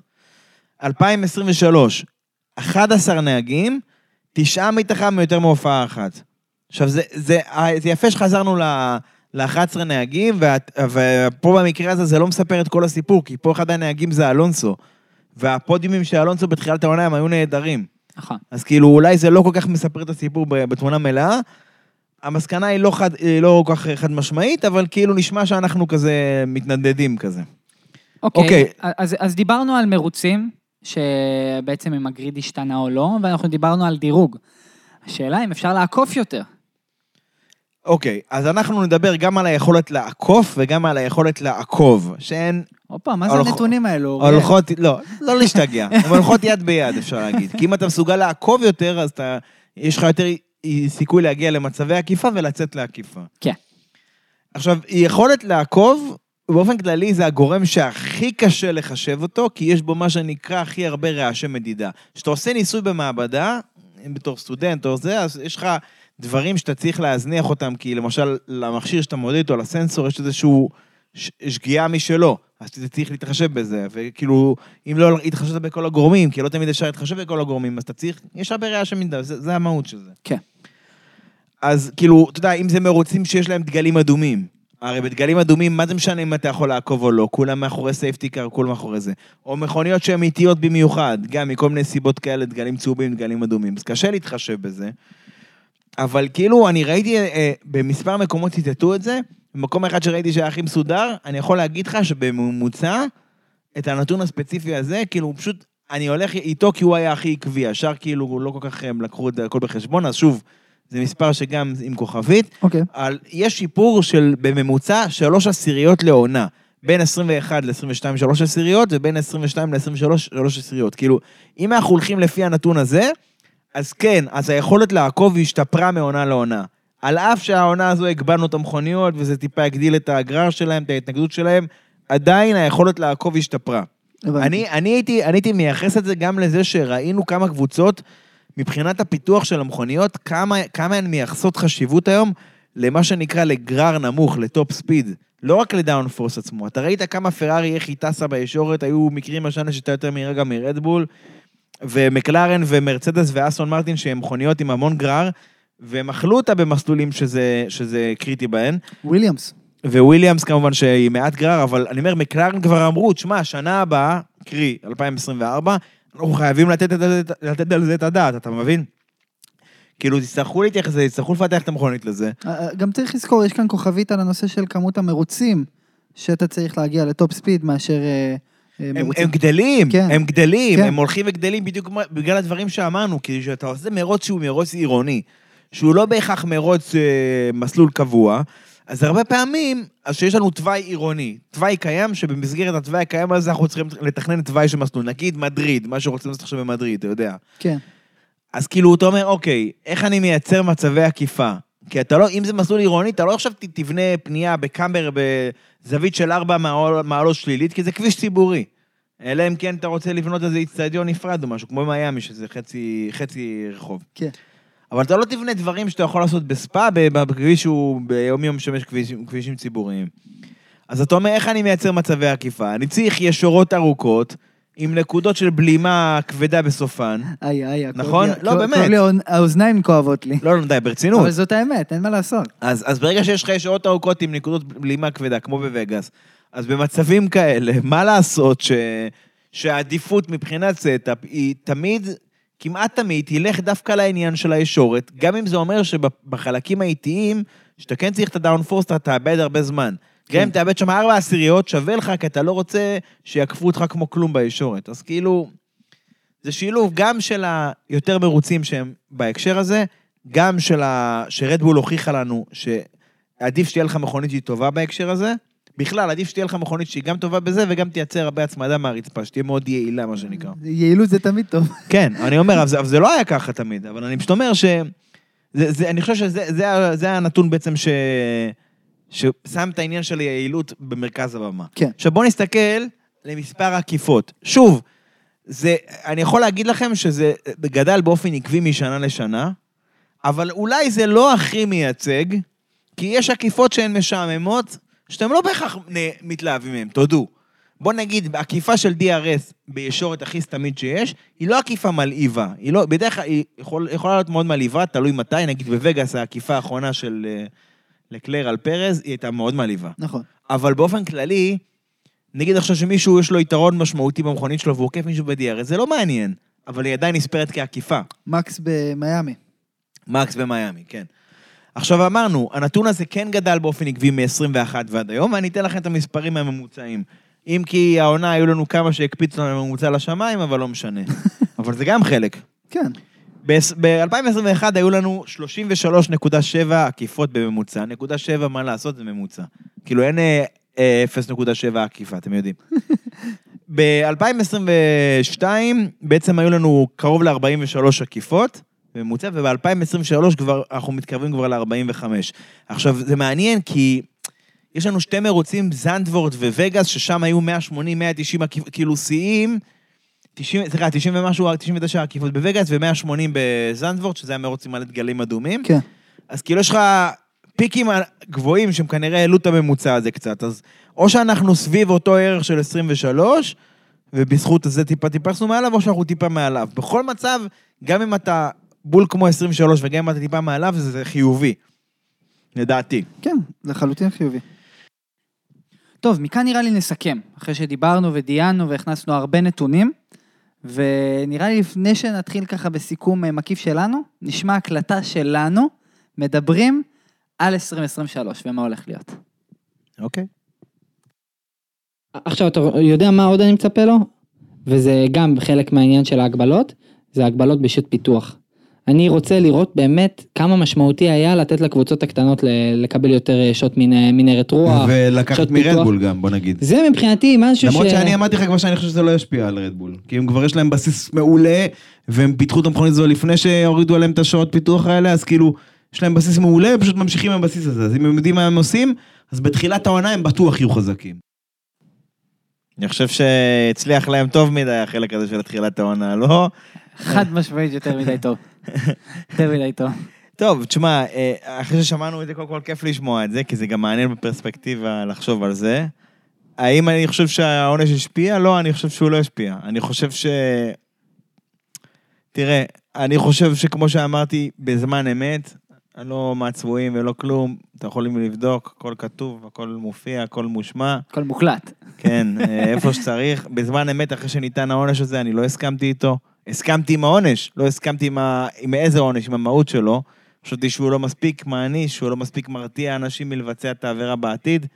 וברור שלפני שהתפרסמו המסקנות של התקציב של השנה של השנה, של בעצם של 2022, אז כבר אז נשמעו כל השמועות שחלק מהקבוצות לא עברו, וזה, ומה נעשה.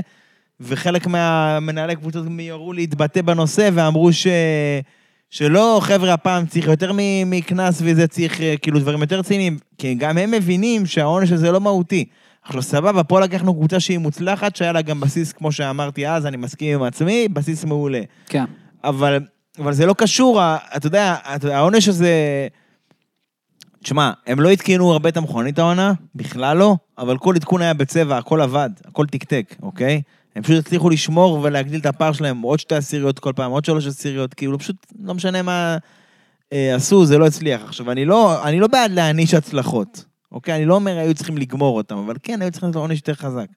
כי העונש הזה, שהוא כבר הפסיק להשפיע, כאילו, יכול להיות שאנחנו, את- השאריות שלו אנחנו נראה בתחילת 24, כי הוא נגמר בנובמבר, ההגבלה הזו נגמרה בנובמבר, אה, אז כאילו, העונה הכי דומיננטית של הקבוצה, זה נראה לך שזה שינה משהו? כאילו, אני, אני, שאני אגיד לך ציפיות ריאליות, מה אני ציפיתי? כן. זה לא שאני אראה אותם פתאום אחרונים, אבל ציפיתי שבחצי השני של העונה, קבוצות מסוימות ינצחו פתאום במרוצים, כי הם הצליחו לסגור את הפער. וזה גם משהו שלא קשור לרדבול, שאנחנו צריכים לדבר עליו, על, המ- על הסיסטם עצמו, אם הוא עובד או לא עובד, וזה דבר הבא שאני רוצה להגיד לך. אה, אני אענה עם ציטוט של אה, קריסטיאן אורנר, שזה? שאני, בשפה הלא בוטה שהוא השתמש בה, אם יש לך בעיה במכונית, ש... סבבה, change כן, your fucking car, כן, בסדר, אוקיי. כן.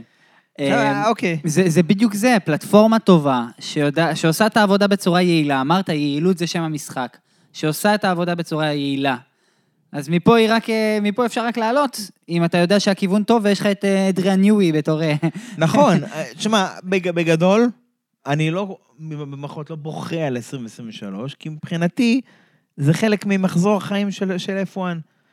דומיננטיות, הפער נסגר, התקנות משתנות וחוזר חלילה. אני פשוט רוצה לקצר את המחזור הזה. אני רוצה לקצר אותו. אני אומר, נגיד אה, 26 תקנות חדשות, היא קבוצה אחת שתהיה יותר חזקה, אבל הסיסטם צריך לאפשר לה, המערכת צריכה לאפשר לה, לקבוצות אחרות לסגור את הפער בצורה סבירה. עכשיו, אתה לא יכול להגיד שב-2023 כל המתחרות הישירות של רדבול עשו עבודה טובה. להפך, ההפך הוא הנכון. פרארי בזבזו את הזמן בלנסות להתעקש על מה שהיה להם, הבינו שזה לא הולך, והיה להם פשוט רכבת הרים של עונה עם מכונית לא יציבה, שפעם החליטה שיש לה הצמדה, פעם החליטה שאין לה הצמדה, לא פשוט. מרצדס, אה, הניצחון, הניצחון בברזיל שכנע אותם, המשיכו עם ה zero pod הזה, נשארנו עם ה zero, ה pod הלכו, סליחה, הם חזרו יותר נכון. אה, אה, הביאו את ג'יימס אליסון מפנסיה, לא מפנסיה, אבל אתה יודע, הוא עשה איזשהו תפקיד יותר כזה רגוע, החזירו אותו לחזית העניינים. אליוט התפטר או פוטר, לא יודע בדיוק מה קרה שם בהמשך הדרך. כאילו, בגדול, מה שהוא ניסה להוביל לא, לא הלך. ושתי הקבוצות הספציפיות האלה בילו את שארית העונה עם מכונית שהיא לא אופטימלית, לא אידיאלית, ושהם לא יכולים לעשות לה שינויים, כי יש הגבלת תקציב. אז, אז השאלה היא, השאלה אם הסיסטם עובד או לא עובד, אתה מבין? כאילו, כי, כי בגלל שיש הגבלת תקציב, אז זה נכון, יש לך יותר זמן פיתוח. השאלה, האם אתה באמת, אם אתה יודע מה אתה עושה, זה, זה המפתח כאן. האם אתה יודע מה אתה עושה, אז אתה גם יכול לנצל את הזמן הזה לדברים טובים. אם אתה לא יודע מה אתה עושה, שום דבר לא יעזור לך. ועכשיו, אתה מסכים איתי ששתיהן, שתיהן מתחרות ישירות של רדבול, והם לא עשו את העבודה. חיובי. ומנגד, יש לך את אסטון מרטי שהייתה הפתעת העונה, לפחות בחלק הראשון שלה. בחלק השני הם גם חיפשו את עצמם, כי הם לקחו איזשהו כיוון לא נכון. ואיך אומרים, האחרונה זה מקלרן שהתחילה בסוף וקפצה קפיצה שכל קבוצה חולמת עליה. הקפיצה שמקלרן עשתה באוסטריה, בעדכון הזה של אוסטריה וסילברסטון, זה קפיצה שכל קבוצה ממרצדס עד פרארי, וגם אלפין שמי דיבר עליהם בכלל, הם חולמות לעשות את הקפיצה הזו עכשיו, בפגרה. כן. הם עשו איזה שנייה, כאילו, זה משהו שלא נשמע, לא, לא, לא נשמע עליו, אתה מבין? זה לא... זה, אז... המסקנה שלי היא שהעולם כמנהגו נוהג, F1 ממשיך במחזור הזה שדיברתי עליו, אני אשמח אם המחזור הזה ילך ויתקצר עם השנים ולא ילך ויתארך. הדבר השני, אני חושב שהתקנות מוכיחות את עצמן, הן עובדות. אה, מה שאני תמיד אומר, צריך שהם יישארו אותו דבר, לא לשנות אותן. לתת לקבוצות לפתח את הזמן ואת היכולת לפתח את המכוניות, שהם יבינו לבד, והם יבינו בצורה אורגנית, יס- יסגרו את הפער אחת מהשנייה, כי בשבוע, באיזשהו שלב אתה מגיע למיצוי של קונספט מסוים, מגיע למיצוי של רעיון מסוים, ואחרים פתאום עלו על משהו, אז אתה רוצה ללמוד מהם, אז כאילו זה דינמי. כן. אבל תן לאנשים לסגור את זה בצורה אורגנית. ואם לא, אז תשנה את התקנות שדיברנו עליהן בתחילת הסקשן הזה, של התקנות האלה של הזמני פיתוח, תיתן עוד פרסים או תיתן עוד עונשים לקבוצות המצליחות. לא בקטע של להעניש את ההצלחה שלהן, אבל תוסיף עוד מנגנונים ש... שייתנו לקבוצות את היכולת לפתח. בגלל זה אני טוען בתוקף שאנחנו חייבים להחזיר את הטסטים. טסטים זה אומר, למשל עכשיו מבחני קדם העונה, הם כולה שלושה ימים. כן. עכשיו, זה מכונית אחת לכל קבוצה, לא שתיים. אז זה שלושה ימים, שני נהגים, כל נהג חצי יום. כמה כבר הוא מספיק?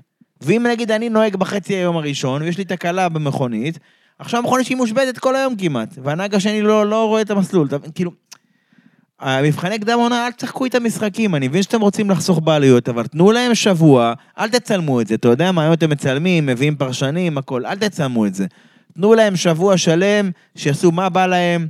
במהלך העונה תפזרו לי עוד איזה יום-יומיים, נגיד אחרי הונגריה, כמו שהיה פעם, איזה יומיים, תנו להם קצת לריב קצת עם עצמם, אחרי ספרד תנו להם עוד איזה יום-יומיים. קצת, תנו לאנשים קצת להתנסות, לא, לא רק סימולציות, לא רק מנהרות רוח, לא רק הדברים האלה, כדי שאנשים יוכלו להשתמש בטסטים האלה כדי לה- להגיע, ל... בדרך הישנה והטובה, להגיע להישגים. כן. אני גם אחדד ואני אתן את המילה שלי. אפשר גם כאן לחלק את זה לפי הזמני פיתוח ולתת לקבוצות הקטנות יותר, ו... מסכים איתך, זה זה- רעיון מצוין. טוב, אז דיברנו הרבה על, תכלס, על סיכום של 2023, אבל אמ, עוד שנתיים אה, יש עוד תקנות. אז מה, מה קורה פה? מה אנחנו מתכוננים לשנתיים הקרובות? כן, אז בוא נגיד, לסיום של החלק הזה של הריוויינד שלנו, הדבר האחרון שנותר לנו זה באמת להתייחס לשנתיים הקרובות, והן שנתיים מאוד קריטיות. ומדוע? כי על המכוניות של 2026, בדגש על השידה, לא על המנועים, המנועים הם נמצאים בפיתוח כבר שנים, כמה שנים כבר, זה לא העניין, אני מדבר על המכוניות עצמן, אווירודינמיקה, כל הדברים האלו. מותר לפתח אותן רק מתחילת 2025, מהראשון לראשון 2025. מה שאומר, ו- וסמוך עליי, ברגע שמותר יהיה לפתח אותם, הקבוצות ירוצו לעשות את זה. כי אף אחד לא רוצה להישאר מאחור בתקנות חדשות. כן. מה שאומר שהמכוניות של 24 הם בסיס, הם פחות או יותר מכוניות שיצטרכו לחיות שנתיים. הם בסיס קריטי, אתה מבין? מאוד. כאילו, אתה רוצה עכשיו לתת, להביא את המכה, סליחה, כמו שאומרים, לה- להביא מכונית מטורפת, כן. כי המכונית הזאת צריכה להתחרות פחות או יותר שנתיים. אני לא אומר שלא יהיה פיתוח בין 24 ל-5, ברור שיהיה. אבל להגיד לך ב-25, ככל שהשנה תתחיל, ובטח ובטח ככל שתתקדם, כל העיניים יהיו נשואות ל-26. לכן אתה שומע על קבוצות כמו אלפין או כמו רדבול שנכשלות במבחני ריסוק, כי הם רוצים ללכת על פתרונות קיצוניים, הם רוצים להפחית במשקל, הם רוצים ללכת על דברים, כי הם מבינים, הם מבינים שהם לא יישארו עם הדבר הזה, הם מבינים שהם לא רוצים להשקיע בזה יותר ממה שהם צריכים. כן. הם מעדיפים עכשיו לבנות מכונית מטורפת, שתיאר איתם, בטח רדבול, כדי להשקיע את הכל בלמצוא פתרונות רדיקליים ל-26. לכן באיזשהו מקום, 25 היא שנת מעבר. הבנתי. ואם פגעת כמו שצריך בכיוון, ויש לך, ואתה כאילו יכול רק לשפר, אז סבבה. אם אתה בכלל לא בכיוון, אתה הכי אוכל אותה. כי אתה גם צריך להשקיע ב-25 וגם צריך להשקיע ב-26. אז נקווה שבשנה הקרובה יהיה לנו תחרות יותר גבוהה בעניין הזה. טוב, מכאן אנחנו מגיעים בעצם לחלק האחרון שלנו, לפרק, והחלק של אה, שאלות תשובות מהמאזינים. אז אה, נתחיל בשאלה ראשונה של אה, רועי רבי- רבינוביץ', שהוא הוא שאל אותה בפייסבוק, והוא כתב ככה: אני אשמח לדעת על הכוחות הכלכליים מאחורי הקבוצות, מי הבעלים, מה הרווח שלהם ואיך לרדבול יש אה, שתי קבוצות. אז אה, ככה, הכנתי הסבר לדבר הזה. ונתחיל ככה מההתחלה. שמה זה פורמולה 1 ברמה עסקית, כדי לענות על הדבר הזה של אה, כוחות כלכליים. אז דבר ראשון, פורמולה 1, כמו הרבה סוגי ספורט, הוא נבדע בשביל בידור. כמו כדורגל, כדורסל, פוטבול, רגבי, כל, ה, כל העולם הזה הוא עולם בידורי לחלוטין, שהוא לא אמור להיות uh, מוכוון עסקית. זה לא אומר שאני הולך עכשיו לקנות משהו מפורמולה 1 שיביא לי כסף. איזה מוצר כלשהו. אולי בעקיפין. לא, כאילו, בעקיפין בטח. כאן נכנס הנושא של אה, ספורטיביות, ואיך אה, תרבות בידור מרוויחה כסף. וכאן אנחנו מכניסים שיווק, חברות שרוצות להיכנס ו- ולדבר, וספונסרים, שבצד הזה הם יכולות לבזבז כמה שבא להם כסף, כי בעצם ככל שהן מקבלות יותר חשיפה, אז אה, לפי השנים, גם אפשר לראות את זה, זה יחס ישיר לפוטנציאל העסקה של אה, עובדים בחברה, פלוס קנייה של המוצרים שלהם. יחס ישיר לרווחיות, בוא נגיד. נכון, גם רווחיות וגם מכירות. אוקיי. אה, שזה שני דברים גם שונים. עכשיו, זה אומר שאני כקבוצת פורמולה 1, אני יכול לבזבז כמה שאני רוצה כסף גם בפיתוח של הקבוצה. כי זה אומר שאין כאן, אה, בסוף הספונסרים לא בהכרח, אה, אה, בסוף הספונסרים עצמם לא מביאים לי את הכסף בשביל שאני אגדיל להם את המכירות, אלא כדי שאני אקבל יותר זמן חשיפה ל- כן, אני- לקבוצות אני אני עצמן. חושב שהבנתי את העסקה. כאילו, אם את- אני משלם לך כסף כדי לשים את המדבקה שלי, תלוי כמה שילמתי, כן? כדי לשים את הנוכחות שלי על המכונית שלך, או על הסרבנים של הנהגים, או על הביגוד הרשמי, מה שזה לא יהיה, תלוי, שוב, בהיקף העסקה. אה, ובתמורה, אתה כקבוצה, יכול להיות שהבטחת לי משהו שמוגבל בחוזה, יכול להיות שלא, אבל אתה אמור לספק את ההישגים על המסלול כקבוצה, כקבוצת פורמולה 1. אני זוכה לקשור את השם של החברה שלי בפורמולה 1, ואם אה, יתמזל מזלנו של שתינו פה בעניין הזה, אז הקבוצה שלך גם מאוד מוצלחת, ואז רואים את המותג שלי ואומרים, למשל, מותג אה, תוכנה מאוד מאוד מוכר ומאוד מאוד שיש לו שירותי ענן וכאלה, אני עכשיו רואה אותו פה באזור פתח תקווה נגיד, אני ישר אומר, וואו, זו החברה שעובדת עם רדבול. אתה. מבין? אני ישר מקשר אותו לאיזושהי הצלחה, לאיזשהו משהו. בדיוק. עכשיו בואו בוא נדבר תכלס על איפה הולך הכסף וקצת כלכלי בתוך החברה. אז דבר ראשון, כמו כל חברה, משכורות זה רוב הכסף, באמת 70 אחוז בדרך כלל זה הכסף שהולך למשכורות. בכל החברות זה כולל בעצם ה... אה, מרמה של התפעול, של האנשי תפעול, עד רמה של הצוות, מנהלים, וכמובן הנהגים, שזה רוב הכסף. ראינו את הנתון של אה, המילטון, שבסוף הסתחרר ב-40 מיליון אה, לעונה. מקום שני, זה מחקר, מכונות, ובסוף הדברים הטובים, הטכנולוגיה הטובה, שתעשה את העבודה הטובה לטובת החדשנות ו- ו- ולהגיע ל- ל- לפתרונות רדיקליים, כמו שהזכרנו לפני שנייה. אה, הדבר האחרון זה מנועים. כאילו, זה, זה גם משתנה בין קבוצות, כי יש קבוצות שהן מפתחות מנועים, אה, ובסוף יש להם צורך בכסף לפיתוח אה, שקשור למנוע, כמו פרארי, מרצדס, אלפין, שהן מפתחות לעצמם את המנועים, ויש בסוף חברות שמסתמכות על מנועים קיימים, כדי לחסוך בעלויות ודברים כאלה. אז גם הנה נקודה שאפשר לחסוך בה, כמו האס ומקלרן ש... שמע, מה. זה לחסוך? הן פשוט, הן משלמות על המנועים האלה, הן פשוט לא נושאות בעלויות של המו"פ, של המחקר ופיתוח שלהם. כן, שהוא משמעותי בסוף. כן. אמ, והדבר האחרון, התפעול הכללי. לשנע את הציוד, התחזוקה הכללית, קייטרינג, שאנחנו אוהבים להזכיר. אוקיי.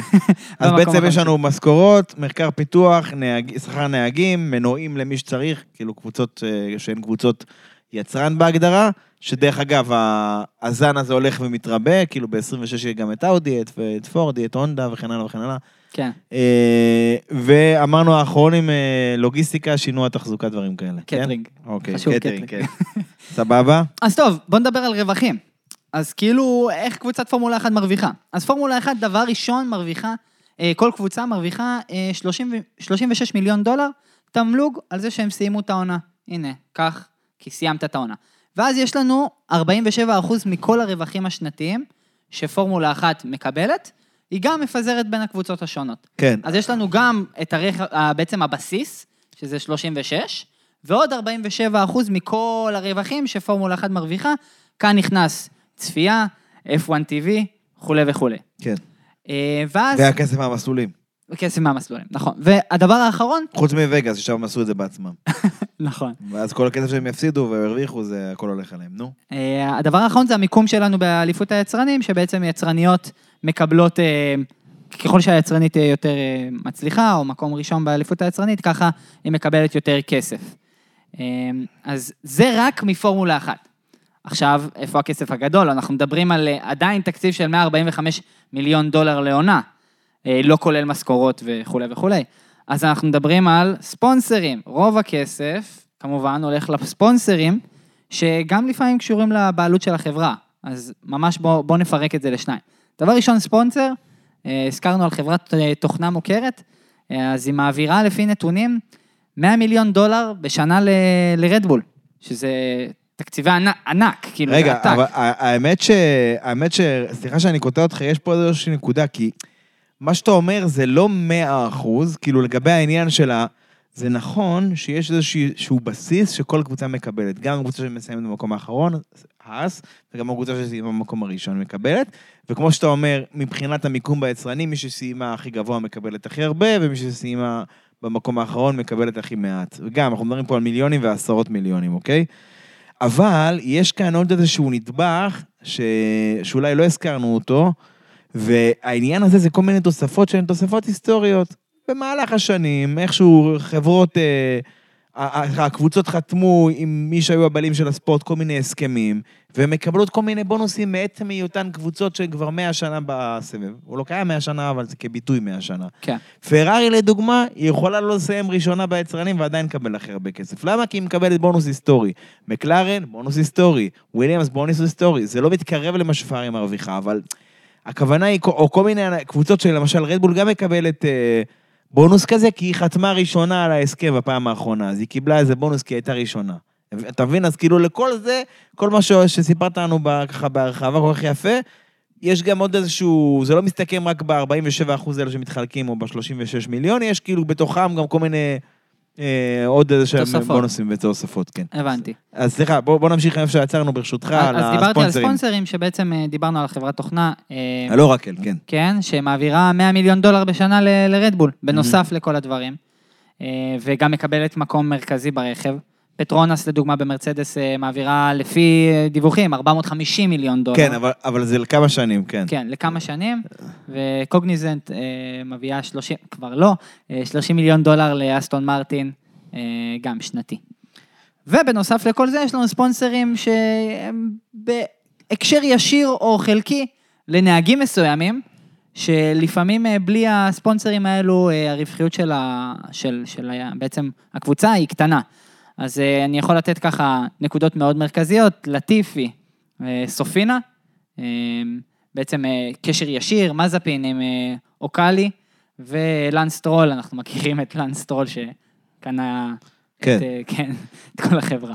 האמת שבהקשר הזה בלבד, כאילו, אתה רוצה לדעת מה, מבחינת ספונסרים, מי הכי רווחי ב-2024, מי הולך להיות הכי הכי רווחי? אשמח כאילו, מאוד. מי, מי הכי השקיע לצורך העניין. כן. בוא נתחיל מהמקום החמישי. אה, לרדבול יש איזשהו ספונסר מעולמות הקריפטו, זה שמופיע על הכנף האחורית שלה, הוא משקיע, הוא ישקיע בשנה הבאה חמיש- אה, 40 מיליון דולר. כן. אה, במקום הרביעי, הקבוצה שהיא גם, זה חברת הימורים, שהיום היא החליפה את השם של סאובר. אה, כאילו, החברה שעומדת מאחורי כל הקיק והשטויות האלה, כן. החברה הזאת, בוא נגיד, בשביל לקרוא לעצמה סטייק F1T, היא שילמה 50 מיליון, שזה מכובד. כן. אה, פטרונס שהזכרת, 70 מיליון, ארמקו, שהיא בעצם חברה, אה, חברת אנרגיה, חברת נפט סעודית, שכמו שאמרת, קוגניזנט שהיו באסטון הם חתכו, ועכשיו ארמקו הגדילו את חלקם בקבוצה. אה, היא בעצם העניין של הגדלת החלק הזה, שעכשיו השם שלהם מופיע בשם הקבוצה. הוא גם מופיע בשנה שעברה, אבל עכשיו רק הוא מופיע. היא משלמת על התענוג הזה 75 מיליון דולר, שזה אחלה סכום. מכובד. ואורקל האחרונים שהזכרת, סביב ה-90-100 מיליון. שזה כאילו שיאני הספונסר שיפ ל-24. כן, אז חוץ מספונסרים, כמו שדיברנו על סטיקרים ברכב, יש לנו עוד חלק של אה, ספונסרים שלוקחים אה, בעלות בחברה. אה, אז ברדבול, סתם דוגמה, מי, שבא, מי שבעל החברה, שיכול לקחת החלטות ומקבל החלטות בחברה, אז א' זה אורקל, כמו שהזכרנו, רדבול המשקיע אנרגיה, שזה לא בהכרח, עכשיו זה הבן של, אה, ובעל עסקים יפני בשם... תאילנדי, כן. מה? תאילנדי, כן. תאילנדי, כן. אמ, שאני לא בטוח איך הוגים את השם שלו. בסדר, אנחנו תבדקו אחר כך כן. בוויקי, כן, זה שם מורכב. לא, אבל- זה בגלל ש... הרי החברה הזו נולדה בתאילנד. זאת אומרת, דיטריך מטשיץ, יצר איזושהי תקשורת עסקית עם חברה תאילנדית. בגלל זה יש איזושהי משפחה תאילנדית שהיא, יש לה איזה 49 או 50 אחוזים בחברה הכללית של רדבול. כן. זה המקור. סליחה, תמשיך. והדבר השני, מרצדס, שבעצם הבעלים, מי שמחזיק זה דיימלר, חברת הרכב אה, מרצדס, אה, אינאוס, שהיא חברת כימיקלים ואנרגיה, אה, במרכאות, וטוטו וולף, שתכלס הם מחזיקי החברה בפועל. כן. אה, ועכשיו אה, עוד שאלה שהוא שאל, בעצם אה, רועי, זה איך לרדבול יש שתי קבוצות. אז אוקיי. יש כאן כמה סוגי אסטרטגיות שונות. נתחיל ברדבול, שבסוף יש לנו את האחות הקטנה, שהייתה פעם טורו רוסו, הפכה לאלפה טאורי, ועכשיו השם עדיין לא כזה ברור. אולי רייסינג בולס, כן. כן, כנראה. אולי רייסינג בולס, לפי הנקודות שאוריאל הביא מפרק קודם. ויש לנו כאן שתי, ש... שתי, שתי דברים שאני ראיתי וחקרתי. דבר ראשון, רדבול מחזיקה ברייסינג בולס, טור רוסו וכולי וכולי, כי היא מקפצה לקריירה. איזו אופציה להכניס נהגים להגדיל אותם. זה ככה ב- באופציה התחרותית. כן, ובצד העסקי, חממה. אה, כן, חממה כזאת. בצד העסקי ראיתי אופציה נוספת שהיא מאוד גדולה, שאפשר לה- לה- להשליך עליה, אה, זמני חשיפה, בזמן המרוץ. שבעצם זמן החשיפה של רדבול גדל בגלל שהם מראים את המותג שלהם על ארבע מכוניות בזמן מרוץ. עכשיו, איפה אני יכול לראות אה, הצלחה? מרצדס 2020, אה, זמן החשיפה שלה בכל המסלולים היו 19% מזמן השידור הכולל אה, של, ה, של המרוצים. כן. זה אומר שהמותגים עצמם קיבלו הרבה יותר זמני חשיפה. ואם אתה לוקח בחשבון שבשנה הבאה הקשר בין רדבול לאיך שלא יקראו לקבוצה השנייה, אם זה יהיה רייסינג בול או משהו אחר, הוא רק הולך ומתהדק, והם רק הולכים למודל הזה של לקנות מרדבול רק מה שאפשר, והם עברו דירה לקרוב אליהם, הם עובדים במיטון קינס, והם עוברים לעבוד במרד רוח שלהם, ו, ו, ו, ו, ו, וכן הלאה, וכן, כאילו, אתה יודע, ממשיכים להדק את הקשר הזה, שהרעיון כאן הוא כן לעשות איזשהו, לעשות איזושהי קפיצה מבחינה תחרותית עם הקבוצה, פתאום שהמכונית תהיה הרבה יותר תחרותית ממה שהיא הייתה, אז אתה מקבל פה שתי קבוצות, אחת מאוד תחרותית, אחת קצת פחות, אבל שתיהן נקרא לזה בחזית או בחלק העליון של הגריד, והם מקבלים הרבה זמן חשיפה. בין אם זה, כאילו, באידיאל, אני בטוח שהם לא רוצים ש Racing Bulls נגיד תנצח את הקבוצת האם, את רדבול, זה לא קבוצה בת, כבר זה קבוצה אחות, אבל לצורך הדוגמה. כן. אבל נגיד אם פתאום יהיה לך בנסיבות מסוימות פודיום שכל הפודיום זה נהגים של רדבול או Racing Bulls, אלפה טאורי, לא יודע מה, אז תחשוב איזה חשיפה זה נותן למותג שלהם. בייחוד, כי תמיד עם הקבוצה השנייה הם ניסו, ל, ל, הם ניסו תמיד לקדם דברים אחרים, או מותגים אחרים של רדבול, או, דבר, או חברות אחרות, או כאילו, אז כאילו זו פלטפורמה כפולה כמו שהצגת את זה. לחלוטין. אה, מהצד השני, אני רוצה להביא עוד שתי שת"פים מעניינים. פרארי סאובר, סאובר האס, שזה בעצם יותר שת"פ עסקי חלקי, אה, שהמטרה זה יותר אה, העברה של נתונים, מידע, אה, יותר דברים שהם יותר כזה עסקיים, אבל חלקים, לא, לא מותג, לא להראות בעצם מותג החוצה. וויליאמס עם, עם מרצדס, שהוא גם שת"פ שכולל נהגים בתוכו. כן, ו- אבל, אבל כאילו, זה, זה כבר לא כמו פעם. כמו שאתה אומר, סאובר ופרארי פעם זה היה כאילו כמעט שם נרדף, בקטע ש- שסאובר הייתה סוג של חממה, לנהגים של פרארי היו באים, צוברים שם קצת קילומטראז', אבל היום זה הפך להרבה יותר אינטרסנטי, הרבה יותר נקודתי, הרבה, כאילו וויליאמס היא לא קבוצת בת של מרצדס. נכון, המנהל שלה הוא גדל, צמח במרצדס, אבל הם לא עושה את דברם של מרצדס, אתה מבין? כן. זה עניין של אינטרסים. מחר, סליחה, בסוף 24, יש נהג מאוד מאוד מרשים בפורמולה 2, שאם הוא ירשים גם שם, אז ירצו להכניס אותו לגריד. יכול להיות שטוטו וולף יבוא לג'יימס, יגיד לו, תקשיב, אנחנו רוצים את הנהג הזה אצלך בקבוצה, אם תכניס אותו, כמו שעושים עם ג'ורג' ראסל, תקבל מנועים בחינם. כן. חיסכון של 10-15 מיליון דולר בשנה, לא תיקח את זה? זה לחלוטין עוד שכן. פיתוח, זה עוד, אה, זה, זה עוד תהליך שאתה יכול להוביל. או מנועים בהנחה משמעותית, לצורך העניין. אז יש פה אינטרס, אבל הם לא עושי דברם, הם לא כאילו... נגיד עכשיו יש איזה וויליאמס שחוסם את מרצדס על המסלול, ג'יימס מקבל טלפון, תגיד לו שיפנה, לא יקרה. הם בעד עצמם, שזה מה שיפה. דווקא רדבול בהקשר הזה, זה אחד הקשרים, דיברנו על זה שהקשר ביניהם מתהדק, זה אחד הקשרים שהכי מדאיגים את שאר הקבוצות, כי הם מפחדים שיהיה שיתוף מידע, שזה משהו שהוא אסור. כן, אוקיי? מפחדים שהוא יהיה באמת הדוק מדי, בוא נגיד ככה. אני, אני מסכים. אז זה, זה בגדול התשובה.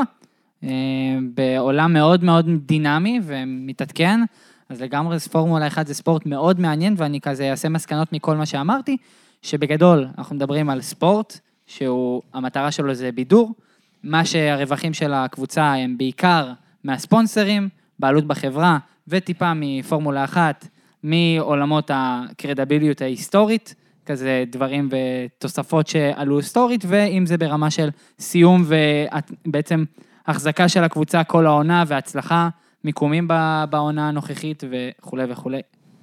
אז זה ככה התשובה שלי לכל זה. בסדר, טוב, אז בואו נמשיך לשאלה אה, בעצם השנייה והאחרונה שלנו להיום. יאללה. אה, אוקיי, אני אקריא את השאלה שלו. אהלן חברים, קוראים לי אריאל טלה, מאזין כבר הרבה זמן לפודקאסט ונהנה נהנה מההסברים לעומק והניתוחים. אני כרגע בעזה וגם כאן אני מקשיב ולא מפספס. אולי זה מסביר את, ה... את האנליטיקות שראית, או שבאמת יש לנו מאזינים בנוסירת, לא יודע. אבל אז קודם כל בואו נגיד אה, שמקווים שגם אריאל וגם כל חיילי צה"ל יחזרו לשלום. אמן, אה, אמן. זה, וגם כל הפצועים שלנו החלמה מהירה. ונמשיך לשאלה של אריאל. טוב, יש לי שאלה לגבי מנ- מנהרות הרוח. אף פעם לא הבנתי איך זה עובד. הוא שואל האם יש ל-FIA מנהרה שהיא מקצה לקבוצות, או שלכל קבוצה יש אה, זה, למה שכל קבוצה לא תבנה אחת לעצמה, תשתמש בה ככל שהיא רוצה.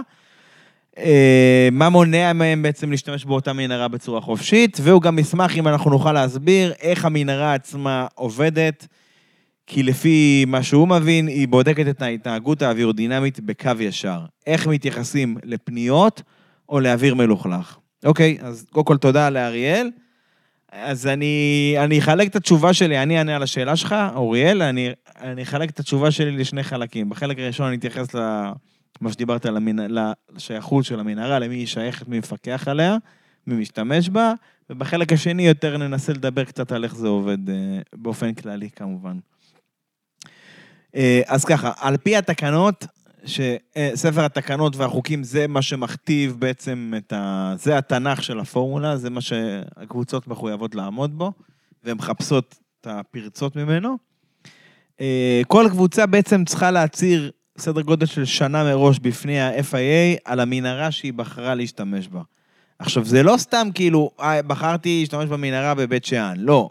המנהרה הזו כאילו היא צריכה לעמוד בקריטריונים של ה-FIA אה, ברורים מאוד, גם ברמה הטכנולוגית למה שהיא מאפשרת או לא מאפשרת.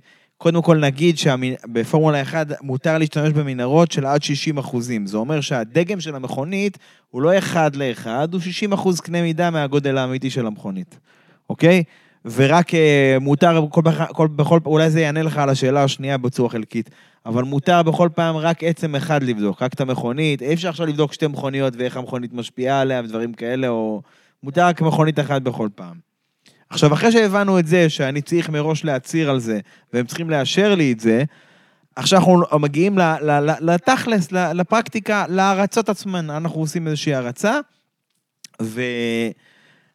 ובנוגע להרצות האלה, שכל הרצה היא נגיד איזשהו סשן שאני אה, מפעיל את המנהרה, אז התקנות, אותן תקנות שהזכרתי קודם, מחייבות את הקבוצות לתעד את הפעילות.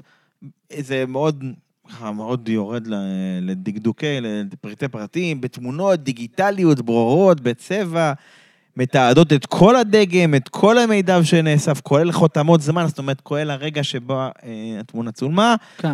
אה, במרווחים של לכל הפחות של שנייה. זאת אומרת, כל שנייה מצולמת תמונה של הכל. וואו.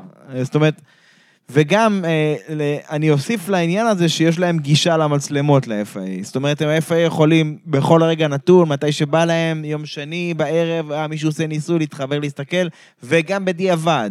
זה כמו F1 TV לחנונים של מנהרות רוח. אבל הם יכולים בדיעבד גם בעצם לצפות בניסוי הספציפי הזה, לראות בדיוק מה הקבוצות עשו. אה, אז זאת אומרת, כמו שאמרנו, לא רק שה-FIA, אה, שהקבוצות מחויבות לתעד את הפעילות ל-FIA, ל-FIA יש גם ציוד בדיקה שלו שמנטר את הפעילות שם, ויש לו גישה בכל רגע נתון ל- לנתונים הללו כדי לבדוק ולנטר את הקבוצות שהן אכן עומדות בכללים ובחוקים. תמונה דומה מתקבלת גם במנהרת הרוח, אה, שהיא לא פיזית, שהיא קיימת במחוזות הווירטואליים, מה שנקרא CFD. CFD, אה, בראשי תיבות, בוא נגיד בעברית, סימולציות זרימה, אפשר להגיד בצורה הכי פשוטה שאני יכול לגייס כרגע, שזו מנהרת רוח וירטואלית, במילים אחרות. היא לא פועלת כמו מנהרת רוח, היא פועלת בצורה אחרת, אבל גם אפשר לבדוק בדברים אחרים, ותכף אני גם אגיד לך קצת מה ההבדל ביניהם. אבל אני רק רוצה להגיד לך שגם שם הם שומרים את כל, הארץ, את כל הארצות, ואפשר אחר כך לבדוק בדיוק מה ואיך וכמה עשית, את כל הקבצים, וגם כל, כל קובץ מסבירים בדיוק מה נבדק. ואני מוסיף את כל הדברים האלה למה שאמרנו כבר באמצע הפרק, שגם השעות של ה-CFD וגם השעות, שזה יותר בפעולות חישוב אם אני זוכר נכון, וגם השעות של הפעולה במנהרת רוח, שתיהן, שתיהן בעצם, אה, כמו שהסברנו בתחילת הפרק, כל קבוצה מקבלת הקצאה מסוימת של שעות אה, על פי הסרגל. נגיד סיימנו מקום ראשון ביצרנים, יש לנו, אתה מקבל ההקצאה הנמוכה ביותר, סיימנו מקום אחרון ביצרנים, אנחנו מקבלים את ההקצאה הגבוהה ביותר של שעות פיתוח כן. בעצם. ה-CFD והמנהרה, אה, שניהם ביחד זה שעות פיתוח. פיתוח בהקשר האווירודינמי, סבבה? ואז מה שקורה, אם, אם נס- נ- נ- נחבר בין שתי הנקודות האלה, אז אם אני מסיים במקום האחרון, יש לי הכי הרבה זמן לתרגל במנהרה, והכי הרבה זמן לעשות תעריץ סימולציות, כדי לנסות למצוא כיוונים חדשים.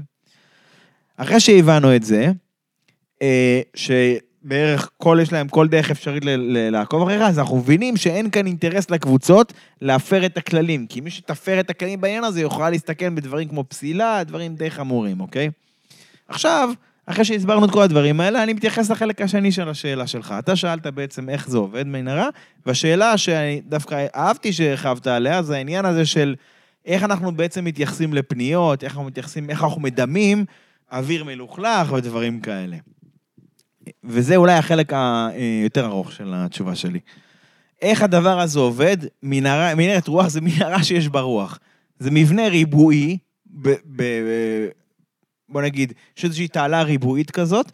בחלק מהמלבן או הריבוע הזה יש מאוורר בדרך, מאוורר עצום, אני, אני יודע שאני משתמש כל הפרק הזה במושגים מאוד פשטניים, אבל זה מאוד מסייע להבנה הכללית. כן. דמיינו מאוורר עצום, ובתוך המאוורר הזה בעצם יש כאילו כמו, זה כאילו כמו לופ כזה, כמו תעלה סגורה כזו, שחלק מהתעלה הזו יש את הדגם שהוא, שהדגם של הבדיקה, שזה דגם של מכונית בעניין הזה. עכשיו האוויר הזה בעצם עובר סביב, יש מאוורר שהוא מריץ את האוויר הזה, איזושהי סירקולציה כזו, והוא מגיע לאיזושהי מהירות מסוימת. דרך אגב, הוא יכול להגיע מקסימום לפי החוקים עד 180 קמ"ש, אה, שזה המגבלה, וכמו שאמרנו, 60% מהמכונית. בקיצור, האוויר הזה, אה, הוא עובר, והוא עובר כל מיני תחנות בדרך, כמו מזגן, כמו הרבה דברים, הוא עובר כל מיני תחנות בדרך, שהן נועדו, ה- המטרה של התחנות האלה, חלק מהן זה סוג כמו diffuser כזה, זה הולך ומתרחב כזה, או הולך ומצר כזה, הכל בצורה מאוד הדרגתית, ואפילו בפניות של, ה, של המלבן הזה, אפילו בפניות יש כל מיני כאלה מנתבים כאלה. עכשיו, מה המטרה של כל הדברים האלה? של כל ה... להאט את האוויר, להאיץ אותו, לנתב אותו?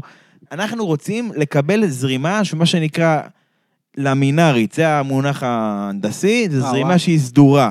אתה צריך לדמיין את זה, זרימה שהיא לא, שאין הרבה התנגשויות של החלקיקים של האוויר, זרימה שהיא אפילו קווית במידה מסוימת, שהיא סדורה, שהיא נקייה כמה שיותר. כן. זו הסיבה שאפילו בפניות, כדי שהיא לא יפגע באיזה שפיץ ויתחיל להסתחרר שם, יש כל מיני, אה, כאילו כל מיני מנתבים כאלה, או כל מיני פילטרים שמעבירים את האוויר דרכם, גם כדי שלא יאסוף כל מיני חלקיקים ויירט את החלקיקים האלה על האבנים, או לא יודע על המכונית, וגם כאילו ברמה הזו של, שישמור על האוויר נקי וסדור, וזרימה סדורה ככל הניתן. אפילו הקירות בצדדים הם חלקים, כאילו, הם ב finish מאוד מאוד גבוה, בטיב שטח מאוד מאוד גבוה, כדי שהם לא ייצרו איזשהו חיכוך עם השכבות, עם השכבות האוויר האלה, וייצרו איזושהי שכבת אוויר מקומית שתיצור לאיזושהי מערבולת מסוימת. אז רק שאני אסגר על כל הדברים, כל המטרה של המנהרת רוח זה לסייע ברמה של דיוק ממש ממש ממש ברמה של סטייה מאוד קטנה של היכולת להזרים אוויר נקי בדיוק לנקודה מסוימת, בלי ש... כמעט שום הפרעות. נכון, אבל יש, יש לזה משמעות, זה לא סתם. כי בעולם האמיתי הזרימה היא לא למינארית ברובה, כי יש לך, יש רוחות צעד, ויש מכונית שנוסעת מלפנים והיא משאירה עליך את מה שנקרא את הווייק שלה, את ההפסדים שלה, את הגרר שלה, ויש לך אה, אה, חלקיקים שזזים, ו- ופתאום איזה טרוף שאף... העולם הוא לא אידיאלי. העולם הוא לא זה, ולכן אהבתי את השאלה שלו, של איך מדמים את הדבר הזה, כי... כי בסוף במנהרה, המכונית היא נמצאת במה שנקרא steady state, במצב יציב. היא נמצאת, נוסעת ישר בכיוון מסוים, במהירות מאוד מאוד מוגדרת, ואז כאילו בעצם, כשהאוויר עובר, אז הרבה פעמים, נגיד, משתמשים בהליום, או בכל מיני חלקיקים כאלה שהם בצפיפות דומה לצפיפות האוויר, וזה בעצם נותנים להם לעשות איזושהי סירקולציה במנהרה, עד שהם בעצם משתלטים על כל המנהרה, והחלקיקים האלה זה כמו עשן כזה שאפשר לראות אותו. ואז ברגע שבעצם מפעילים את הניסוי, אפשר לראות איך העשן משפיע על, ה... על הזרימת, איך הוא זורם על המשטחים השונים. כן. ואת זה מצלמים עם מצלמות מהירות כאלה, באזורים מאוד מסוימים, ואתה יכול לצלם את זה בכאילו כמו פריימים כאלה של כמה שניות, ואז אתה יכול לראות את ההבדל, אם יש לך פתאום איזושהי אה, הפרעה באזור מסוים, או איזשהו ניתוק באזור אחר, או שהיא לא צפויה. אבל כמו שאמרתי, זה שהמכונית ככה היא ישרה, ושום דבר כמעט לא מפריע לה, וזה כאילו, היא סך הכל נמצאת על איזשהו מסוע כזה. כמובן שהגלגלים גם מסתובבים, כי הם נוסעים על המסוע הזה, אבל בסוף זה דגם מוקטן, ו, אה, וזה, אז כאילו, זה נשמע שזה לא הכי מייצג. אבל מנהרת רוח היא כלי שמתבסס על עיקרון שנקרא דמיות, מלשון דמיון, שזה דמיון, נקרא לזה בהקשר ההנדסי. אם עכשיו אני מתכנן צוללת חדשה, הרבה פעמים אוהבים לחזור לדוגמה של הצוללת, לא יודע למה. עכשיו, צוללת, לא יודע מה, גרעינית, משהו שצריך להפליג בקוטב, אז היא מפליגה במינוס חמש, ובמים אה, עם מלחים ולא יודע מה. אבל כשאני עושה את הבדיקה הזאת, אז היא במים מתוקים ב-20 מעלות, סתם אני אומר. כן. אז, ו- ומן הסתם היא לא בקנה מידה 1 ל-1, היא 1 ל-40, 1 ל-50, לא יודע כמה, כאילו דגם מוקטן. כן. אז אני צריך לדעת להתחשב בהפרשים האלה. כי הפרש בטמפרטורה נותן הפרש בלחצים, נותן הפרש בצמיגות, כאילו, ככל שאני מכניס יותר הבדלים, ככה התוצאה שלי פחות מדויקת. אבל, אבל זה, זה מה שיפה בדמיות, אתה מבין? אם אתה יודע להתחשב ברעשי מדידה שלך, אז אתה מקבל תוצאה שהיא מקורבת למציאות. ואם יש לך קורלציה טובה, שזה מושג שהרבה אנשים אוהבים לזרוק ולא יודעים מה הוא אומר, אז סימן שאתה יודע מהנתונים שאתה מקבל מהסימולציה, שהם דומים או קרובים גם למה שמופיע לך אחרי זה במסלול במציאות. עכשיו, אני, אני רק אה, כן. אה, אעשה קצת סדר בשבילי, כן. נראה לי גם לאחרים. אה, אז בעצם מה שאנחנו אומרים כאן, שמהנדס שבא לבחון, הוא מראש חייב לדעת מה ההבדלים בין החיים האמיתיים לחיי ה- המ- המבנרת רוח. לא, התשובה היא לא. כי מי שעושה עכשיו ניסוי, עכשיו בחודש ינואר, על משהו שהוא יהיה העדכון הראשון של העונה, שיגיע איפשהו באפריל או במאי, הוא לא יודע בדיוק מה. הוא יודע על סמך הנתונים של העונה הקודמת, מה צפוי לו ואיך המכונית מתנהגת, אבל הוא לא יודע בדיוק. התוכנה, שאחרי זה הוא יריד את זה ב-CFD, אז הוא יראה איזשהו נתון טוב, זה עומסים כאלה, זה זה כאלה, אבל אז הוא יגיע למציאות, ויכול להיות שהוא הוא לא יודע את זה, אבל הוא יגלה שהמכונית שלהם מאוד מאוד רגישה לארוחות צד, ובארוחות צד פתאום כל הדבר הזה נזרק לפח. זה לא יודע, לא מתנהג כמו שצריך, או פתאום יש לך ניתוקים באזורים שלא אז, אז נגיד אתה משתמש בצבע, אתה שם flow ויז, ופתאום אתה רואה שהאוויר מתנתק לך הרבה יותר מוקדם ממה שחשבת. ואז אתה אומר, רגע, אני, אני לא בכיוון בכלל. אתה צריך לחזור, לעשות חושבים, עוד פעם לעשות ניסוי, וחוזר חלילה. אז, כשאני חוזר לנושא של, אה, של מנהרת רוח, אז האדמיות מגיעה מה-CFD, ולא בהכרח מהאפיון הקודם ל... לא, לא, לא, דמיות זה עיקרון שהוא לא קשור ל-CFD, הוא Mhm. כן, אבל דמיות הוא, הוא מעצם השימוש במנהרת רוח, אתה משתמש בדמיות. הבנתי. כי אתה משתמש במודל שהוא קנה מידה מוקטן, אתה לא משתמש במכונית אה, שלמה עם הנהג בפנים והכל, אתה משתמש במודל. כן. אז אתה צריך לדמות את המציאות עד כמה שניתן, ולצמצם את הרעשים של המדידה שלך עד כמה שניתן. עכשיו לשאלה, אה, להמשך השאלה שלו, איך אנחנו מדמים, בעצם מה עושים במצב של פניות, ומה עושים במצב של אה, אוויר מלוכלך. כי מכונית פורמולה 1, זה שאתה בודק אותה בישורת, איפה. למשל, במרכאות בישורת, כאילו במנהרה, באיפה שהמהירות הכי גבוהה, והכל זה סבבה, זה הכל טוב ויפה, אבל שהיא בזמן פנייה, היא נמצאת בזווית מסוימת ביחס לאופק, ובזמן בלימה, היא נמצאת בזווית מסוימת ביחס ל... אה, אתה יודע, המכונית, אה, המשקל עובר קדימה, המכונית צונחת, החלק הקדמי שלה צונח, בזמן תאוצה, החלק האחורי שלה צונח. המכונית היא עניין דינמי, כן. סבבה? היא מאוד משנה. עכשיו, לכן, במנהרה הרבה פעמים עושים את ה... מניחים את המכונית בזווית כדי לבדוק מצבים כאלה, אז זה נותן את התשובה של איך מתייחסים לעניין של פניות. לאוויר מלוכלך, למיטב ידיעתי, אין דרך לבדוק את זה, כי זה נוגד באופן מוחלט את העיקרון של מנהרת רוח, שהיא צריכה להיות משהו כמעט כמו חדר נקי, משהו שהוא הרמטי, שאתה רוצה כמה שפחות רעשי מדידה. כי גם המאוורר עצמו, הוא מכניס לך רעש מדידה. ואני אגיד לך יותר מזה, אחת המנהרות של, של אחת הקבוצות, היא נמצאת בסמוך לפסי רכבת. וכל פעם שהרכבת הזו עוברת, זה מכניס להם רעשים, אז כבר, הם יודעים כבר להתחשב בזה. אתה מבין? וואו, אז כל דבר, כאילו גם איזה גנרטור סמוך, איזה, כל דבר כזה יכול להכניס לך רעש למדידה. הבנתי. אז מה אנחנו עושים בהקשר של אוויר מלוכלך? זו סוגיה לא פשוטה, כי אני יכול, התשובה שהכי קל לי להגיד לך, זה שפשוט לא מתכננים לזה. כי אף אחד לא רוצה לתכנן, אתה רוצה לתכנן את המכונית שלך לאופטימום, סבבה? אתה רוצה שהיא תהיה בשיא היכולת שלה, כי כשהיא נמצאת באוויר מלוכלך, היא לא נמצאת בשיא היכולת שלה. בוא נגיד, אני אדבר איתך בקוביות, משהו שפשוט. אם היה לנו 100 קוביות של הצמדה, שנגיד זה מטורף, לא יודע מה, סבבה? ואני אומר לך שאני נמצא, עכשיו שאני רודף אחרי נהג אחר, אני מאבד נגיד 40 מהם, יש לי 60 מהם. זה לא מעניין אותי. לא מעניין אותי כמה אני מאבד, כי אני רוצה להגדיל את ערך הבסיס. אני רוצה שמראש יהיה לי 100, 120, 150. הבנת? כן. כי, כי ברור ש- שאם אני רודף אחרי מישהו אני מאבד, אבל כ- ככל שיהיה לי יותר מראש, ושהמכונית שלי תהיה יותר יציבה, במה שנקרא ב steady state, אז אני אאבד פחות. כאילו, פרוט- אתה יודע, אידיאלית, לא, זה לא תמיד עובד, המציאות לא תמיד משקפת את זה. הבנתי. עכשיו, מה שכן אפשר לעשות זה עניין של CFD. כי ב-CFD אתה יכול, אתה בעצם כמו הקפאת מצב, אתה בוחן אזורים מסוימים, אתה עושה חתכים כאלה, אתה עושה אזור מסוים, ואיך זה משפיע, נגיד איזשהו לחץ מקומי, או איזשהו עילוי מקומי, או איזושהי הצמדה מקומית, ואתה בוחן מלא מלא חתכים של מלא מלא אזורים. אז שם יש כבר אסכולות שמדברות על זה, לא בהכרח בפורמולה 1, בכל מיני חברות פרטיות ראיתי שעושות את זה, שהן כבר אומרות, חבר'ה, אין סיבה למדל בקו ישר, אין סיבה, ל... תמדלו את המכוניות בזווית, כי המציאות היא אף פעם לא סימטרית. גם מכונית שנוסעת היום בישורת 320 קמ"ש, המציאות היא לא סימטרית, אפילו שהמכונית תהיה נגיד 100% סימטרית משמאל ומימין, זה לא משנה, כי תבוא איזושהי רוח, והרוח הזאת היא, היא, היא טיפה תרים את הצד המסוים של המכונית ותנמיר את הצד השני, לצורך הדוגמה, וזה אומר שהמציאות היא אף פעם לא סימטרית, אז הם, הם כאילו מנסים לדחוף לתורה כזו, לאידיאולוגיה, שתמיד למדל את המכונית ב, בסימולציה באיזושהי זווית מסוימת, ב, ב, בסיטואציות שיותר ריאליות, שיותר קל לנו להשליך אותן למציאות כדי לצמצם את אותן אה, זה. אז אני אגיד לך מה, למיטב ידיעתי, במנהרת רוח אי אפשר לבדוק את זה, אם מישהו יודע אחרת הוא מוזמן לתקן, והכלי היחיד שאתה יכול זה עניין הווירטואלי, מה שנקרא CFD, וגם כאן, כמו שאתה מבין, יש הרבה מקום לשגיאה, אם אתה לא יודע מה אתה עושה, אתה בבעיה. וזה, וזה, וזה בכלל לא פשוט, כאילו, לדעת מה אתה עושה בעניין הזה. וזהו, שוב, יצא קצת ארוך, אני מקווה שהצלחנו לענות לך על השאלה, אריאל, ואני מקווה ש... מה שנקרא, תעדכן אותנו אחר כך מה, איך היה. לגמרי.